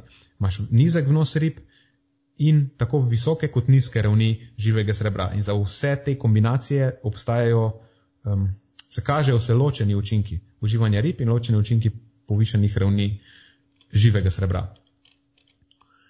Ampak, če gremo zdaj po vrsti, um, recimo rezultati posamezno za vnos rib je bil srednji vnos rib, to je tisti 1 do 3 porcije tedensko, povezan z največjim izboljšanjem rezultata presnovnega sindroma pri otrocih. Ampak zanimivo, da je tudi visok vnos, to je več kot 3 porcije tedensko, je bil povezan z boljšim rezultatom. Ta učinek je bil v tem primeru sicer za tretjino manjši od srednjega vnosa, ampak še zmeraj je bil boljši od nizkega vnosa rib. Tako da najnižji vnos rib med nosečnostjo je bil povezan z najslabšim rezultatom presnovnega sindroma pri otrocih. Poje pa še posamezen rezultat živega srebra. Um, je bilo pa tako, da je bilo z malenkost slabšim rezultatom presnovnega sindroma pri otrocih je bilo povezano dvakratno povišanje ravni. Torej, eh, negativni učinek se je pojavil šele takrat, ko je mati podvojila svoje ravni živega srebra. Torej, tudi če bi med nosečnostjo prišlo do manjšega povišanja živega srebra, mogoče to ne bi pomenilo nič posebno negativnega za presnovno zdravje otroka. In potem tudi, če pogledamo, ne, če pogledamo oba dejavnika eh, posamično, posamično in ločeno eden od drugega, lahko rečemo, da uživanje rib je povezano s koristnim učinkom, predvsem srednji vnos, povišanje ravni živega srebra, ne spoh, če je to dvakratno povišanje, pa je povezano z negativnim učinkom. In zdaj, še bolj zanimivi pa so rezultati modela, potem, ki upošteva oba dejavnika hkrati. Ker z najboljšim rezultatom presnovnega sindroma pri otrocih je bila povezana kombinacija srednjega uživanja rib in pa nizkih ravni živega srebra. Potem pa z najslabšim rezultatom je, pa povezano, je bilo pa povezano dejansko nizko uživanje rib in pa visoke ravni živega srebra. Ne? Pomeni, da so bile to matere, ki so jedle malo rib, pa so uživale vis, veliko živega srebra. Zdaj mogoče zaradi izbire rib, mogoče pa zaradi nečesa drugega. No, pa so pač naredili analizo posameznih komponent eh, presnovnega sindroma, pa je bilo spet uživanje rib dejansko povezano z nižjim obsegom pasu, z nižjim inzulinom in višjim HDL holesterolom. Vse se to nekako ugodne spremembe, recimo z vidika presnovnega zdravja. Potem više ravni živega srebra so bile pa povezane z višjim obsegom pasu in višjim inzulinom. To so pa nekak negativne spremembe. In spet lahko vidimo, da imata tudi na te posamezne komponente, imata uživanje rib in živo srebro nasprotne učinke. Ko poenostavljeno uživanje rib dobro, živo srebro slabo. Um, kar se tiče pa biomarkerjev vnetja, pa sta bila spet srednji, srednji in višji vnos rib povezana z boljšimi izidi. To pomeni, da so imeli otroci mater z višjim in srednjim vnosom rib um, nižje ravni citokina, citokin, interleukin 1 beta in 6, pa adiponektina in pa TNF alfa. Um, ko je pre, prevod za to, mislim, da je dejavnik tumorske nekroze alfa. V glavnem, to nekako dojemamo kot manj vneten profil, po domače povedano. Um, kar se tiče tiste senzitivnostne analize, je pač potrdila podobne učinke ne, tudi po izključevanju posameznih kohort in povezave se niso bistveno spreminjale, ko so probali kontrolirati za spol otroka, izobrazbo matere, um, gestacijski diabetes. Če glik za gestacijski diabetes pravijo, da je bil vzorec teh mater premajhen, da bi lahko sklepali. Um, tudi splošna kakovost prehrane, izpostavljena z drugim okoljskim onesnaževalcem, načeloma ni bistveno vplivalo na rezultat. Um, tako da v zaključku lahko rečemo, da je uživanje rib med nosečnostjo, še posebno to zmerno uživanje rib, povezano z boljšim presnovnim profilom otrok in um, boljšim profilom vnetnih markerjev. To je, kar se tiče torej presnove in vnetja. Zdaj pa, če si malo vdahnemo, imaš kako, kako vprašanje ali pa dodatek na tej, na tej točki? Uh, ja, definitivno. Nisem hotel te. Um ustaviti, prekiniti, ker ti je šlo tako super. Um, ne, veš kaj, da mi naslednjič me lahko kar prekineš vmes. Da se lahko malo spočiješ, ne? Ja, da se lahko malo spočijem. Definitivno. Um, mogoče bi samo to uh, malo, malo uh, praktično naravnanih smernic. Uh, katere ribe pa bi bile zdaj najbolj primerne za uživanje v takih? Ah, prehitevaš, prehitevaš. Aha, prehitevam, ok. Ja, no, ja, tega sem se mislil dotakniti potem, ko obdelamo še sam eh, vpliv na neurorazvoj otrok. Ker se mi zdi, da je, to, da je to tam bolj pomembno. O, bom pa kar tih, aj prav. Ja, torej, ok. Ker vsem um, živo srebro ni, ni zanemrljiva stvar. Zdaj, v tem primeru imamo pozitivne učinke na na presnovno zdravje, kjer mogoče vpliv živega srebra ni tako potencialno, tako zelo nevaren, pa moč tega negativnega učinka ni tako velika, kot je moč učinka na um, zdravje živčevja in, in možganov, spoh med razvojem. In vsem, mm, kljub tem pozitivnim rezultatom na presnovno zdravje, je potrebno potem uživanje rib med nosečnostjo vsem pretehtati tudi v tej drugi luči, ne, kot na potencialno precejšen vir neke nevarne snovi za možgane. Je pa potem težava, da nimamo, o tem pa nimamo zelo dobrih dokazov. Um, um, je pa tako, da zdaj zadnjih 30 let ponuja zelo, zelo mlačne dokaze. Vsem pa mislim, da uh, če pogledamo vsaj tiste najbolj vplivne kose raziskav na tem področju, si lahko ustvarjamo en tak, mislim, da en tak precej ok zaključek. Bomo, bomo probali narediti en tak pozdravi pameti zaključek. Um, in tudi tukaj imamo predvsem opazovalne raziskave. Tri najbolj take znane na tem področju so uh, longitudinalne raziskave na Sešelih, na Ferskih otokih in na Novi Zelandiji. Um, vse nekako potekajo od 80-ih, pa konec 70-ih naprej. Na Sejšelih so začeli nekje, ne vem, po začetku 80-ih in mislim, da še vedno poteka raziskava. Zdaj, lokacija na Sejšelih je zanimiva, ker Sejšelci uživajo ribe na dnevni bazi. In do leta 2009, torej to je slabih 30 let, to je zadnja, ki sem jo uspel najti. Um, ta raziskava ni odkrila nobenih signifikantnih negativnih učinkov na, na ta neurorazvoj otrok. Ne, niti za uživanje rib pri materi med nosečnostjo, niti za uživanje rib pri, od, pri otrocih po porodu. Zdaj se šeli so otok tam, da veš, blizu Afrike, um, tam ljudje res jejo ribe vsak dan. Pač ribe so glaven del njihove, njihove prehrane. Da, če bi odkrili ni... neke težave, bi jih na taki populaciji lahko. Zdaj, ja, spet, kakšne ribe oni uživajo, um, je mogoče igra nek zelo pomemben vpliv pri tem, ampak ali pa mogoče, veš, so oni specifična populacija, ki v tem okolju živi že dlje časa. Mislim, unesnaženost morja je precej nov fenomen, tako da težko je reči, da oni so se nekako uh, unikli, uh, kako je slovenska beseda, spet se ne spomnim besed. edinstveno prilagodili na to okolje, težko bi rekli, ker je premalo časa, je morje tako onesnaženo. Ne?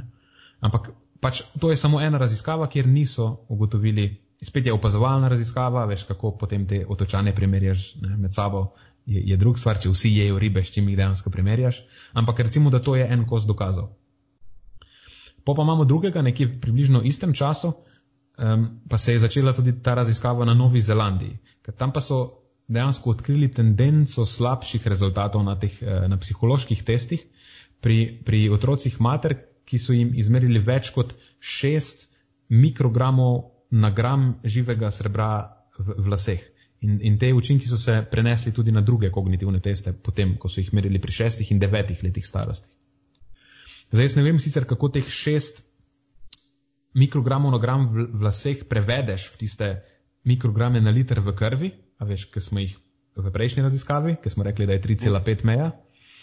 Ampak se mi zdi, da tukaj gre za bistveno večjo izpostavljenost, ker za lase je, mislim, da je spodnja določena meja nič cela 55 mikrograma.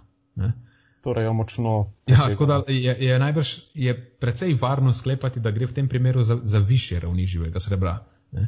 Ampak tudi tukaj, realno tudi tukaj niso odkrili nekih, nekaj zelo obremenjujočega. Veš, niso bili zdaj to otroci, ki bi bili zelo omejeni ali pa bi prihajalo do nekih hudih okvar. A ja, še to. Mislim, da tudi pri sešelcih so namerili okoli podobne vrednosti, okoli 6 mikrogramov na gram v laseh ampak tam očitno brez nekih negativnih učinkov, vsaj opaženih. Tako da tudi pri teh relativno visokih ravneh težko rečemo, ali je učinek zares negativen. Ker recimo neka um, primerljiva kohorta, mislim, da je bila ena polska, je bila vključena v en sistematični pregled o tem, tam je bilo pa od 0,5 do 2 mikrograma na gram v laseh. Ne? In to so najbrž neke vrednosti, ki, ki jih pri nas bi lahko tudi opazili. Tako da vidimo, da teh 6 mikrogramov je kar dost. Uh mhm. -huh. No, ampak ostane nam pa še ena najbolj zgovorna raziskava, to je pa ta na ferskih otokih. Um, in v tem primeru gre pa za res, gre za res nenavadno situacijo. Ker tu imaš pa družbo eh, tradicionalnih severnoatlantskih ribičev, tam na ferskih otokih so praktično vsi ribiči in živijo od morske hrane. In velik delež te morske hrane predstavljajo tudi zelo veliki prebivalci morja. Um, najbolj kontroverzno, najbolj kontroverzno morda oni kiti piloti. Tam imajo vsako leto tam taken tradicionalni kitolov, v katerem ojamejo več deset, a pa več sto teh kitov. Tako precej surova zadeva, tudi par dokumentarcev je posneto o tej zadevi.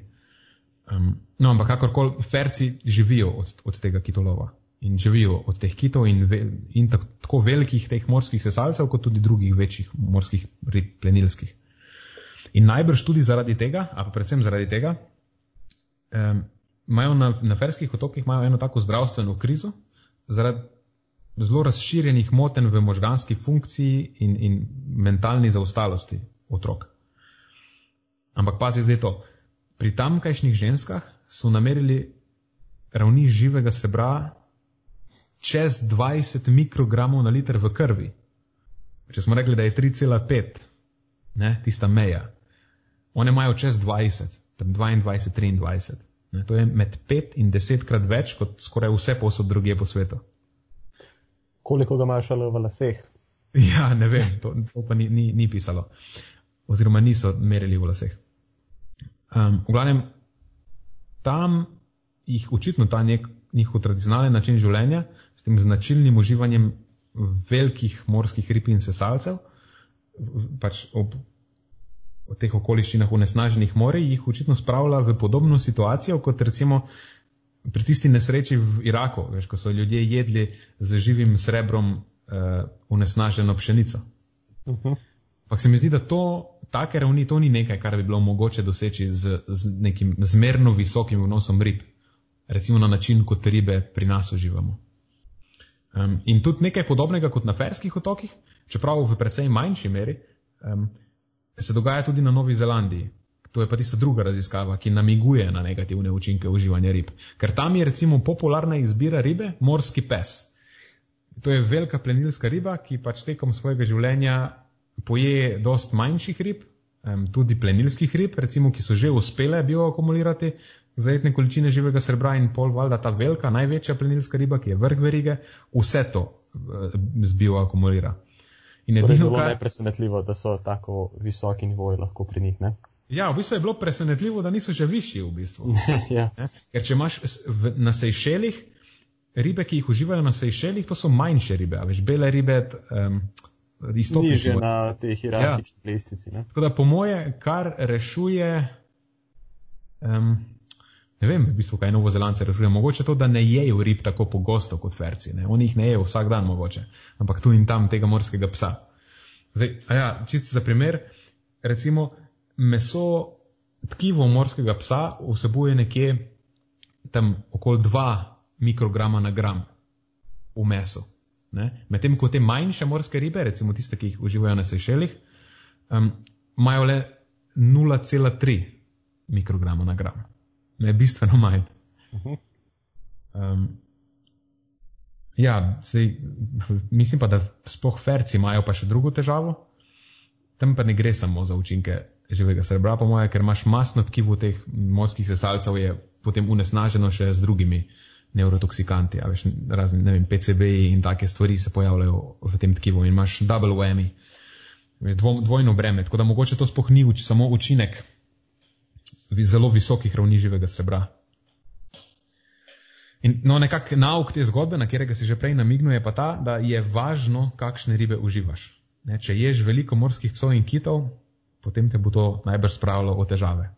In tudi razne te mečarice ali pa mogoče celo sveža tuna, lahko vsebuje precej živega srebra. In to zihar niso ribe, ki bi se jih priporočalo jesti pogosto, ali pa sploh. Zdaj, ampak sem, če govorimo o uživanju rib, ki je pa normalno pri nas, zdaj, jaz pa ti midva ne jeva mečarice, pa mislim, da večina ljudi ne je mečaric, pa morskih psov dost, pa tudi tuna je precej draga. Jemo manjše ribe, ne? tudi bele ribe. Nekako ne verjamem, da bi lahko bilo ne verjamem, da bi popolno odsvetovanje nosečnicam v naših pogojih, ne popolno odsvetovanje uživanja rib, da bi, da bi bilo to utemeljeno. Mislim, da bi lahko bilo celo škodljivo. Um, ker dejansko imamo, en, en obstaja en sistematičen pregled literature iz leta 2015. Um, to je uh, Starling et al., ki je vključil osem novejših raziskav, ki so novejše recimo od teh treh um, ki sem jih prej omenjal. Um, tukaj gre za raziskave med leti 2000 in 2014, ki so enako raziskovali razmerje med materinim uživanjem rib in pa um, in morske hrane. Niso bile samo ribe, ampak nasplošno morska hrana, pač med nosečnostjo ne, in uživanjem in pa neurorazvojnimi izidi pri, pri otrocih. In zanimivo, da je sedem od osmih vključenih raziskav poročalo o pozitivnih učinkih uživanja več kot ene porcije rib, um, na, na te razne kriterije neurorazvoja pri otrocih. Um, in nobena raziskava ni poročala o negativnih učinkih. Edi, dejansko edina raziskava, ki je poročala o neutralnih učinkih, um, je, je zadevo ocenjevala pri dojenčkih starih tri dni. Mislim, res mm. presenečenje, da niso odkrili ničesar. Ja, ker, res je. Ja, ker ne vem, sploh ne vem, kako, ne vem, kaj so pričakovali, ne, kako, kako zmeriš to um, pri otrocih starih tri dni. V glavnem tiste s pozitivnimi rezultati pa so potem spremljale otro, otroke stare eh, med šest meseci in devet let. Različni follow-upi so bili. Tako da tudi njihov zaključek, njihov zaključek je tako res mi je všeč in pravi, če ga čist citiram, Zmerno uživanje rib med nosečnostjo koristi neurorazvoju otrok in odtehta potencijalno negativne učinke. To je nekak njihov zaključek. Pa pa pravijo še, da je pomembno tudi izbirati ribe, ki vsebujejo manj živega srebra. In mislim, da je to tudi ključna, ključen nauk zgodbe. Ne samo v nosečnosti, ampak mogoče celo na splošno. Ker imaš maj, majhne ribe, zna prehranjene valne verige, so bistveno manj polne živega srebra pa tudi drugih onesnaževalcev, ne?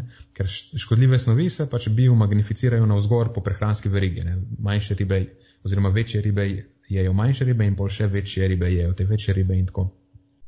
In večja, ko je riba, dlje časa, kot živi v morju, bolj je načeloma onesnažena. In tudi predatorske ribe, ki jejo druge ribe, so bolj onesnažene kot recimo slino jede ribe. Mm. Sploh morski pes. To je, mislim, da v teh problematičnih rib je edina, ki je zelo dostopna pri nas. In včasih, ko ga vidim v oni zamrzovalni skrinji tam v trgovini, se vprašam, a bi ta zadeva sploh prestala veš, tisti test zgornje dovoljene meje osebnosti živega srebra v živelih. A, mislim, se je valjda pre, preverja to kdo? Ja, dobro vprašanje. Mm. Nisem prepričan. ja, no, pač, ko izbiramo ribe, predvsem v nosečnosti, mislim pa, da je to dobro vodilo tudi na splošno, nas zanima dvoje. Da prvič v ribi, svoji ribi želiš čim več tistega, kar je koristno, zdaj primarno so to omega-3, drugače so pa ribe tudi fajn vir beljakovin, in pa želiš čim manj tistega, kar je škodljivo, torej živega srebra in sodelavcev. Zdaj obstaja ena, obstaja ena taka elegantna infografika, jo, jo bom pripel v šovnovce, ki ima na X osi vsebnost omega-3 maščobnih kislin in na Y osi ima vsebnost živega srebra. In potem imaš na njej razvrščeno večino teh bolj popularnih vrst rib. In zdaj ideja je, da čim više in čim bolj levo kot je neka riba, ne, bolj več omega-3 kot ima in manj živega srebra kot ima, boljša izbira je. Ne. In takšne ribe so recimo sardele in čun, um, skuša tudi, recimo, da je to zgornja meja tega. Uh, Pomaž pa še, aha, pa še sled in postrv sta primerljiva s srdelami in, in čuni, se mi zdi. In to so nekako najboljše izbire. Pač, ker gre za zelo majhne ribe in pri teh lahko celo rečemo, da imajo manj kot, doskrat celo manj kot nič cela en mikrogram na gram, ne? zelo malo v glavnem. Um, še ena stvar, ki pa je tukaj, mislim, da pomembna je pa ta, da če piše, da je riba iz Jadranskega morja, ne, zdaj, pri drugih stvarih rečemo, da to je lokalno, pa je super, če je lokalna hrana, v tem primeru to ne drži. Jadransko morje je zelo onesnaženo. Tako da, če imaš sardele, ki so nekje iz Atlantika in, in imaš sardele, ki so iz Jadranskega morja, so une atlantske boljše. Vsem pa so sardele sardele. Tako da mislim, da je vsem razlika manjša. Ne, spoh, še zmeraj je bolj pojest jadransko srdelo, kot pa neko tuno iz Pacifika. A pa neko večjo drugo ribo iz Atlantika. Um, aha, če se vrnemo k tem izbiram. So še ta rdeči okun, to je una rdeča riba z takimi, eh, take špicama, ki jo je težko je spucati. Uh -huh. Pa imaš cipel in tilapija, recimo, um, in podobne bele ribe. Te imajo sicer manj omega-3, ampak so tudi relativno čista riba, je to, vsaj kar se tiče, mislim, na rekovajih čista, vsaj kar se tiče živega srebra. Um, v to kategorijo spadajo tudi školke. Školke so sicer en tak, tak filter, ampak vse klapavice, recimo, imajo uh, nižjo vsebnost živega srebra. Nisem zihar, kaj pomeni to za druge toksikante, ker so nek filter oziroma prehranjujejo se tako, da filtrirajo vodo. Ampak vsaj, kar se tiče živega srebra, je vsebnost ponavadi nizka. Eh, brancin, tudi uslič je še ok, čeprav že nekoliko manj optimalna izbira. Mm, mogoče za nekoga, ki tako zelo pogosto uživa ribe, uslič jih ne bi bil pr prva izbira. Um, po se pa počasi mislim, da zaključi zadeva. Razen morda teh eh, poceni vrst tun, kaj so albakor ali pa skipjack sicer imajo zelo malo omega-3, ampak z vidika živega srebra so pa lahko še precej ok izbira, tudi za relativno pogosto uživanje. In to so recimo sorte, ki se uporabljajo v konzervah.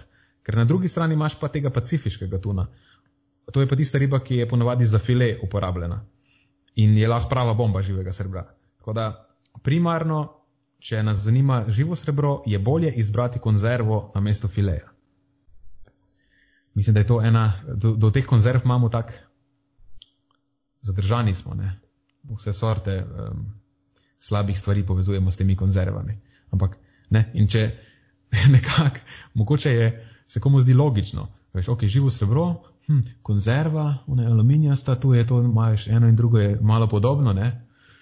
Se, on, aluminij je srebrne barve, kaj pa jaz vem, in pole hitro se poveže ta stvar v glavah. Eh, določenega subseta populacije in mislijo, da zato, ker je zadeva v konzervi, bo imela več živega srebra. Ne? Ampak to ni povezano s tem.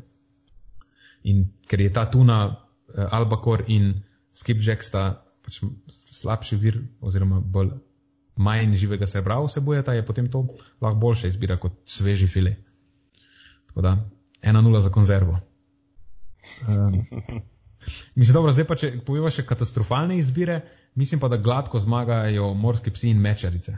Vsaj tega, kar je pogosto dostopno pri nas. Um, ker imaš bomba živega srebra in zelo malo omega-3 vsebojejo. In tega pač ne bi priporočal niti povsem normalnemu potrošniku, kaj šele nosečnici. Tako da, čist, čist, čist na koncu, če potegnemo črto, mislim, da je na mesto priporočilo za nosečnice enkrat do trikrat na teden, čim manjše mož, možne ribe. Ne?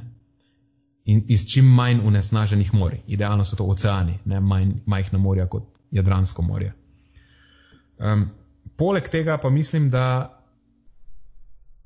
omega-3 olje oziroma ribje olje je v tem primeru lahko dobra izbira, ker se z njim pa se lahko, spoh če je kakovostno olje, um, se lahko marsikerega zadržka izognemo. Sam vse nisem pa zihar, če neka poceni olja, a veš, pa so spet lahko onesnažena z nekimi drugimi stvarmi, ker industrija teh prehranskih dopolnil ni zelo nadzorovana in potem, če kupuješ svoje omega-3 na petrolu, a pa nekje druge, ne, pardon, petrol, nisem več kar tega mislil, hočem reči samo, da gre za poceni omega-3, kjerkoli jih pač kupiš. Uh, a veš, zna biti, da se potem s tem spraviš v bistveno večje težave, kot pa da ješ ribe. Mislim, da je še zmer varno, bolj varno reči ena do tri porcije rib na, na teden in zbiraj čim manjše možne ribe iz čim manj unesnaženih oceanov. Mislim, da je to tako full proof na svet. Definitivno, to so zelo smiselna priporočila. Zdaj pa, če se zbirajo konzerve, a je se zdi pametneje v lastnem soku ali v, v olju? Mogoče še to, pogosto dobimo to vprašanje. Ja, pa po mojem je čisto odvisno, tukaj je čisto odvisno od tega, kakšne so tvoje energijske potrebe. Uh mhm. -huh. Če hočeš privrčevati kalorije, potem je valjda v lastnem soku boljša izbira.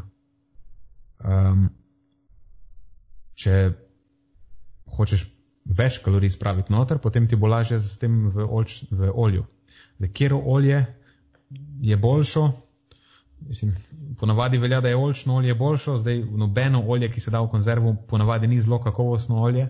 Tako da, mogoče je dober na svet, da se to olje pol odlije, mogoče, če je olčno olje, se ga niti ne rabi odlit. Um, ampak pravim, spet zelo odvisno je od, od ciljev in energijskih potreb posameznika, bolj kot riba. Riba, ki je pa notri, je pa riba. Zdaj, konzerva z oljem bo načeloma imela manj ribe noter kot v vlastnem soku. Ne, pač Ja. Sama količina ribe tem, v konzervi, tudi če je isto težka, neto količina ribe bo manjša v konzervi z oljem. Um, mogo, ne vem, kaj sicer pri tunah to ni pomembno, ker itak niso dober vir omega-3. Mogoče je razlika v tem, če je v lastnem soku ali pa v olčnem olju če odliješ olčno olje, kaj se zgodi z omega-3 ali pa kako jih dejansko prezervira, če je riba shranjena v olčnem olju, boljše ali slabše od lastnega soka, nimam pojma, realno. Ampak mislim, da to, če, če je riba tuna, ki itak nima omega-3, potem to ne vpliva na nekaj. Tako ali tako odpade, ne? Ja. Okay. Odlično. Potem pa, da se ti še zahvalim v imenu vseh fitneserjev po celem svetu da je tilapija še vedno lahko namenjiv. Ja, tilapija, tilapija, kot jo kaže tista infografika, vsebuje precej nizke osebnosti živega srebra. Odlično, sem si oddahnil. Ne vem, tilapija je gojena riba, se mi zdi, a je tako? Ne, tudi meni se zdi, nisem pa prepričan. Ja. Mislim, da je to razlog. Gojene ribe načeloma so gojene v bolj nadzorovanih pogojih. Ne, niso v onesnaženih morjih, ampak Sicer je potem valjda pomembno tudi, kje je ta gojilnica, ne, v kateri državi, kako tesna so. Eh, Tako, kako rigorozno, so, rigorozno so pravila gojenja rib v tej državi. Ja, definitivno, definitivno. Ampak, ja, načeloma gojene ribe so, so manj problematične, vsaj iz tega vidika, z vidika živega srebra. Je pa potem vprašanje spet, čim se jih krmi in take stvari. Ne? Da, mislim, da je to to, kar se tiče teh rib. Je bilo, je bilo po moje zadosti rib in živega srebra za danes. Uh mhm, -huh, odlično, uh, zelo, zelo, zelo uh, dobro obdelano. Potem bom pa še zaključil tale današnji podcast. Uh, smo ugotovili, da med drugim je Nenad povedal, da so omega-3 pomembne tudi za razvoj možganov. Ne? In moja naslednja tema se prav tako navezuje na zdravje možganov in na enega izmed mojih najljubših prehranskih dopolnil, in to je kreatin. Uh, tako sem nekako splaniral tale podcast. Ne? Ena, ena vadbena, pa ena prehranska tema iz moje strani na podcast. uh, zdaj, za kreatin sem prepričan, da ste že vsi poslušalci slišali za njega. Um, gre se sicer za spojino, ki jo lahko naravno najdemo v našem telesu, pa seveda v določenih živilih, predvsem uh, meso, ribe, jajca in podobno. In je sestavljena iz treh aminokislin, to so arginin, glicin in pa metionin. In ko jemljemo kreatin dovolj časa, v zadostni meri, mogoče malo več o tem kasneje, zasičimo telesne zaloge tako imenovanega kreatin fosfata, ki pa je zelo pomemben vir obnove energije v našem telesu. Pravzaprav predstavlja tisti uh, najhitrejši vir obnove adenozin trifosfata oziroma ATP-ja oziroma te um, osnovne energijske valute naših celic. In to je še zlasti pomembno v prvih eh, slabih desetih sekundah visoko intenzivne anaerobne aktivnosti. In iz tega naslova se kreatin običajno jemlje predvsem v kontekstu uh, izboljšanja zmogljivosti v športih, ki imajo poudarjeno to komponento uh, moči, hitrosti oziroma eksplozivnosti, skratka, kakšni šprinti, meti, uh, skoki in podobne stvari, ter za tiste posameznike, ki si želijo hitreje pridobiti na mišični, mosi, uh, mišični moči oziroma mišični masi. Um, skoraj nikoli, ali pa ne morem reči zelo redko, pa se omenja kreatin v kontekstu uh, zdravih možganov, vsaj tako v splošni populaciji. Zdi, da je to čist, uh, čisto nekaj zanemarjenega. Ne? Uh, namreč poleg mišičnih celic tudi nevroni seveda upravljajo mnoge procese, ki terjajo ogromno energije. In raziskave kažejo, da je manje kreatina eksogeno, ne kot obliki prehranskega dopolnila, tudi poveča dovod energije nevronov, ne, predvsej logično. Um, samo tako, fun fact, obstaja celo neka genetsko pogojena mentalna bolezen, ki je vezana ravno na presnovo kreatina, uh, primarno na bodi si na primankljaj enega encima, imenovan AGAT oziroma arginin, glicin, uh, amitinotransferaza ali pa GAMT, to je guanidinoacetat metiltransferaza ali pa vezanega na uh, transporter SLC6A8. No, na tej točki bom nehal s pometovanjem, ker ne vem preveč podrobnosti v povezavi s tem. Samo želel sem omeniti vsaj en transporter v tem podkastu, zato ker vem, da bom nena, da s tem razveselil. Skratka, uh, jemanje kreatina nudi uh, ugodnosti, ki segajo veliko preko teh pozitivnih učinkov uh, zgolj na delovanje mišic, ampak lahko tudi pripomore čisto tako, ne, izboljšanju uh, performansa v kognitivnem smislu in tudi v kognicijskih testih. Um, seveda pa imamo trenutno tudi na tem področju dokaj omejeno literaturo, zato ne morem podajati nekih dokončnih zaključkov. Se mi pa vseeno zdi vredno eksperimentirati s kreatinom, ne pa ne rekovaj eksperimentirati, še posebej glede na to, da je to dopolnilo dokaj poceni, ne, je dokazano zelo učinkovito, dopolnilo, ki ima daleč največ uh, raziskav narejenih na ljudeh in pa varno, tudi če ga jemljemo na dolgi rok. Tako da samo ena taka ideja za darilo za vaše starejše, takoj ko jih vidite potem po koncu karantene, če jim želite boljšega zdravja, kupite jim uh, omega-3, kreatin, pa beljakovina v prahu. Evo, to mislim, da vidi top 3 izbire. Uh, to so, mislim, super, to so res najbolj evidence-based darilo za babico ever. Tako. Mislim, res, res hudo. starejše. Ne vem, sicer ne vem, če si se šalil ali se smeješ, ampak to so dejansko stvari, ki jih jaz podarjam konstantno svoji mami in babici za rojstne dneve. Ja, bil sem čisto resen, no. Mogoče je izpadal, da se hecam, ampak bil sem resen. Ja. Tako da, lej, upam, da me bo čim več ljudi posnemalo, pa tudi tebe, ne vem, kaj ti podarja svojim mami, mam, svoji mami in babici. Uh, ja, podobne stvari, ne moš verjeti. Ja. Uh, ja, se strinjam, upam, da ne začnejo ljudje. Mislim, kreatin, kreatin sicer nisem uspel še jih prepričati v kreatin. So pa ja. omega 3 pa beljakovine. Yes. Ampak, ja. ampak omega 3 pa beljakovine v prahu so pa namenijo moji, vsaj mojih staršev že dolgo, dolgo časa. No. Tako da, če zdaj naslednja postaja, res lahko bi bila kreatin. Pa tudi no. po teži, po teži dokazal, če morate, ne, pre, se, če ne veste, kako bi se približali, eh, približali prepričevanju svojih mam in babic ne, k temu, kaj naj vzamejo prvo nekako po teži dokazal je omega 3, mhm. beljakovine v prahu in pol kreatin je še zadnja stvar. Tako, tisti ščepec na vrhu. Ja, tako da to je hierarhija daril za mame in babice. Uh, mogoče samo še to. Zdaj, to je predvsem. Mislim, to se je tudi za, gledaj, da ne bomo seksistični, se je tudi za uh, očete in detke. Vela isto. Ja, ja, definitivno, definitivno. Upam, da nisem koga zdaj užalil ja. s svojimi priporočili. Kaj si hotel nekaj še povedati?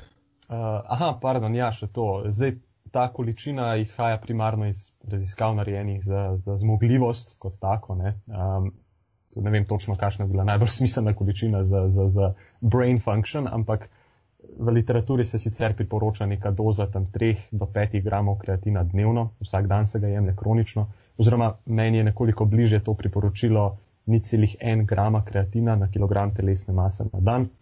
Um, In ja, jemlje se ga kronično, izdeva v dan, časovni vnos kreatina, skrajno nepomemben faktor, morda, res morda bi lahko bilo, bi lahko naredili case, da, je, da, da če ga vzamemo takoj po končani vadbi, da lahko iztržimo malo boljše rezultate. Ampak meni osebno se zdi, da tisti točki dalje, ko zasičiš telesne zaloge kreatina, je totalno irrelevantno, kdaj ga vzameš. Mm -hmm. Pa tudi ne rabite ga vzeti zraven eh, kakšnih drugih eh, hranil.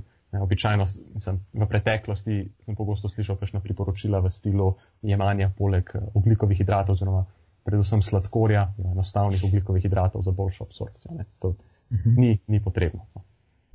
Nekako je to priporočilo, da mislim, da edino, ki je vsaj malo prestalo test časa, to, da blizu mogoče eh, mišične kontrakcije bi lahko, ampak ne vem, če sploh kaže kaj, da bi lahko bilo to boljše. Mm. Mi je pa všeč ta nasvet, zaradi ene stvari, ker če poveš nekomu, ki sicer ne vadi, pogosto mu rečeš, da moraš vzeti takrat, ko se bo mišica krčila, ali pred ali po. Ne, to, pomeni, to pomeni, da mora krčiti mišico. Prisiliš ga v trening. Prisiliš ga v trening, ja. Lisac, ili na lisac. uh, tako, to je, bilo, to je bilo iz moje strani pravzaprav vse za današnji nice. teden. Odlično. V bistvu smo eh, čisto po nesreči potem uspela vsaj nekako približno eh, skombinirati stvar, v, da se dotika zdravja možganov. Ki, ja, ki do, ne, sicer ne direktno, ampak vsaj. Vsaj posredno. Sicer vsaj pa posredno. lahko nadaljujeva to temo v prihodnjem podkastu. Ja, ne. definitivno se bo še dotaknila. Ja, ja. Ena pomembna stvar, glede tega, ki si jo ti omenil. Mm, pa na katero sem jaz probal namigniti že takrat, ko sem rekel, da ni dobrih raziskav na, na, na temo vplivov živega srebra, na neurorazvoj otrok, je ta, da težko je te stvari meriti. Ja, Imaš razne te baterije testov, raz, zelo različni so testi, kako preverjati uh, razne kognitivne funkcije. Večina ja. stvari sploh ni zelo standardiziranih, eh, ne vemo dejansko, kaj sploh merijo. Včasih te stvari, ko bereš, nisi glih ziger, kaj točno so zdaj izmerili. Ja, definitivno je lažje nekomu dati kreatin, pa potem meriti, meriti recimo njegov napredek v bench pressu skozi prihodnih ne vem koliko tednov. Teže ja. pa delati eh, neke kognicijske teste. Ne. Ja, recimo učiti za primer neke ne vem, reakcijske čase, če meriš. A veš, to so lahko spremembe v nanosekundah. Ja. Zdaj, kako ti to zmeriš, kako natančno je urodje, s katerim to meriš. A je res tako natančno, da bo, da bo, da veš, zmerilo to statistično značilno spremembo. Mm. Definitivno. In, in kakšno količino udeležencev sploh, sploh, sploh potrebuješ, pol, da razločiš ta učinek.